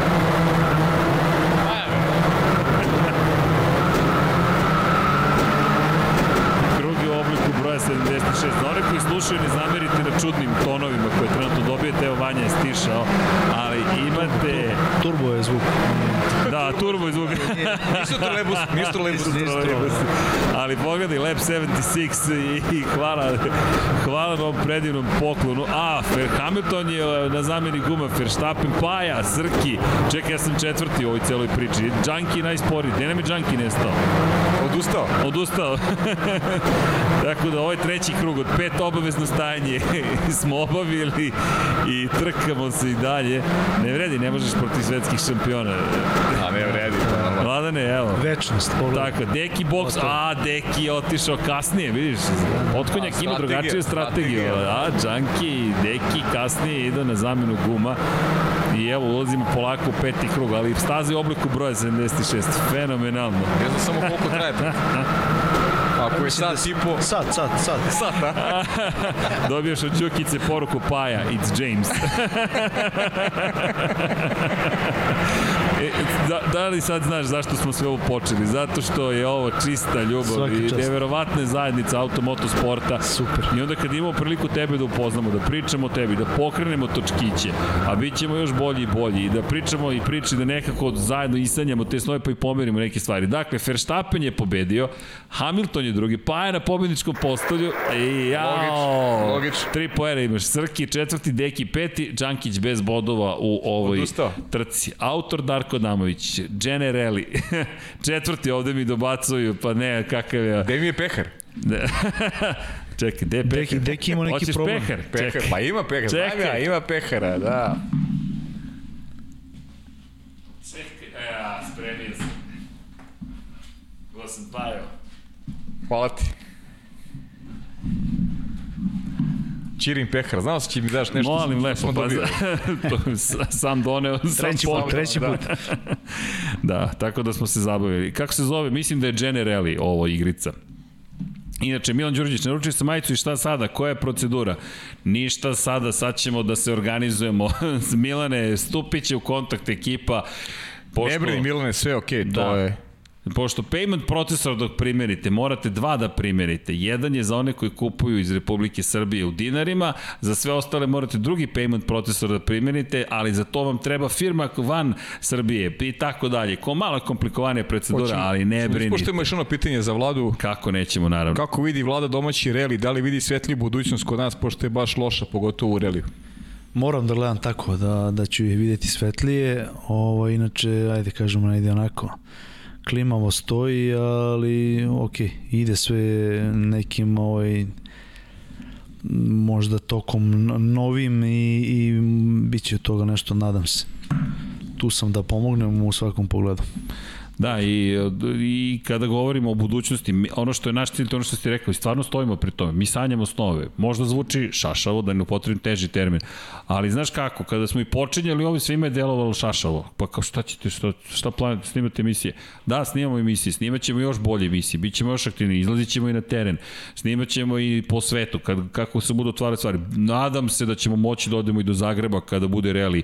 Zašto? Pa da vidimo kako to izgleda, da zavirimo, da predstavimo tu ekipu koja je organizovala reli u Hrvatskoj, da odemo s tobom, nadam se, da, da nam e, daš tvoj komentar. Možemo i zajedno da odemo. Pa Igor Naravno. takođe, znaš da da napravimo celu priču. Zašto? Uz povećanje interesovanja točkići se kotrljaju. Ništa se neće desiti preko noći, neće se, ne verujem u taj uh, teleport, često se koristi termin srebrni metak, mi ne volim to, to mi je suviše agresivno, nego sad ćemo da mi se teleportujemo instant u svetu i budućnost. Ne, korak po korak, čuvena kineska, sve počinje malim koracima. Pa ajmo zajedno da napravimo te male korake, pa ćemo negde, negde da stignemo. To je neko naše razmišljanje. Uvek sam za to i, i stvarno ovaj, šta god treba vezan za tu stvar, ono, tu sam baš zato što Hvala. volim to i ono, ovo mi je dobra ideja za Hrvatsku, stvarno treba i svi ljudi koji to vole da vide, to je stvarno najbliža atrakcija. A, bio sam dosta puta tamo da gledam, čak sam i vozio neku trku ovaj, i jednostavno, stvarno ljudi nije daleko, naravno ako epidemijska situacija bude kako treba, Da. treba otići, treba da vidite kako izgleda jedna organizacija svetske, ovaj, svetska organizacija reli trkanja i koja je to ozbiljnost i, i ovaj, onda će mi biti dosta stvari jasno. A stvarno nikad nije bliže, naravno bilo je u Bugarskoj, ali ovaj, jednostavno ovo je uh, stvarno najbliže što, što smo mogli da dobijemo. Da, definitivno. Nismo ni mi kao Srbija daleko, ovaj, što kaže Srđan, ovaj, ako mislimo o tome i nadamo se možda bude svašta i kod nas. Pa, da svi zajedno da se držimo i što na regionalnom, što na nacionalnom nivou, kako god, lokalno, koji god je nivo. A moram ti pokažem nešto, ovo smo isto dobili od gledalaca, o ovome smo pričali i sad mi je neko skrenuo pažnju zapravo u komentarima da obratimo pažnju na boje bolida. Deki, to jest Deki, izvini, ne Deki, Pajo, ovo su boje bolida koje smo dobili. Ovo su inače naši omiljeni bolidi, pa su nam napravili, eto, posebnu, da kažemo, fotografiju. Odlično. Kažem ti, zabavljamo se divno i zabavno Da. je. Kada, inače, Lotus, inače, Srgen, pitanje da li je uh, reli u Hrvatskoj u Svetoj nedelji ili baš u Zagrebu, da li znamo možda. Moram ti pristiti da ne, Ne znam, znam, koja je ne, tačno ne znam. staza, ali ćemo vam preneti naravno Ne i znam pripremit ćemo se za to. te, u, u taj deo. Zagor vjerojatno bi trebalo da bude neki centar sveta starta i cilja, jel? A ovo je sad okolo na okolo, posle nije ni važno. da. Bitno da je tu negde. Da, bit će to zabavno. Biće to sjajno. I samo još jedno pitanje, koje su ti omiljene staze u Formula 1 i MotoGP ukoliko ih imaš? Da li to posmatraš iz perspektive staza? Pa ne, svaka je na, na svoj način onako ovaj, i zahtevna i dobra. Ne, ne, nemam neku stazu koju mogu da ovaj, da, da izdvojim, ajde MotoGP možda Mugello, ima već za taj neki pravac i taj posle uživo kad gledate malo uzbrdice nizbrdice, koje se ne vidi možda čak i na nekim ovaj, kad gledate preko TV-a. Um, za formulu, ajde, možda neki Monako, možda za publike i tako dalje, mada i tu ima stvarno mnogo dobrih, lepih, uh, simpatičnih staza. Gde, ono, stvarno svaka čast. Evo imamo još, još milion pozdrava i sledeći put kada nam dođeš, Troops of Sunshine preporučuje jednu stvar, da namestimo ovde rig i svaki gost kada dođe mora da dveze jedan krug u istom Može. vozilu po virtualnoj stazi i onda imamo kao Top Gear, pretpostavljam, spisak ko je bio najbolji i kačivo i Dom Pablo se pojavljuje s kacigom, da niko ne zna ko je Dom Pablo. Imamo našeg stiga. To je, Odlična da. ideja, imam još jednu možda još bolju, a to je da odemo stvarno neku malu mini stazicu pa da se nekim pravim autom, Može. bezbednim, ovaj, na bezbednoj stazici probamo neki krug. Vidi, Što da nas dvojica Što da Jedan kolega, drugi i odmah. treći, pa da vidimo gde smo. Bravo, da, da. da. A, pa to, a ne ovako. Daću vam popust, daću vam popust. Do, Dobro, dogovoreno. dobro. Daću Dogovoreno. vam popust, nije problem. Koliki 10 hendikep nam sekundi, daš? 10%, 10 sekundi. Pa to je kao ništa. Kao i na majicu, kao i na majicu su dobili. Pola minuta. Kao na majicu. jako, 20% je pa, jako, dobro. jako, jako, dobro. Ne, ovo je dogovoreno. Onda Don Pablo se prijavljuje, tako da ćemo vidjeti to, ko je, bez je Don to Pabla ništa. U svakom slučaju, Vladane, hvala ti. Zaista ti hvala od vremenu. Sjajno je bilo, zaista Na priči, nama uvek zabavno. Jeste. Ne kažem da je s nama uvek zabavno, ali je nama uvek Pa dobro, zabavno. da, da. Tako da, Sa jednom lepom pričom smo malo razbili i tu ono, Jeste. Formula Pa- 1, malo ne dešava se ništa, ali čuli smo svašta o reli. Moram priznati, ja sam svašta i naučio večeras, iskreno. A tu smo da, da, da, da ovaj, pričamo još stvarno hvala vama na pozivu i Dejanu Potkonjaku.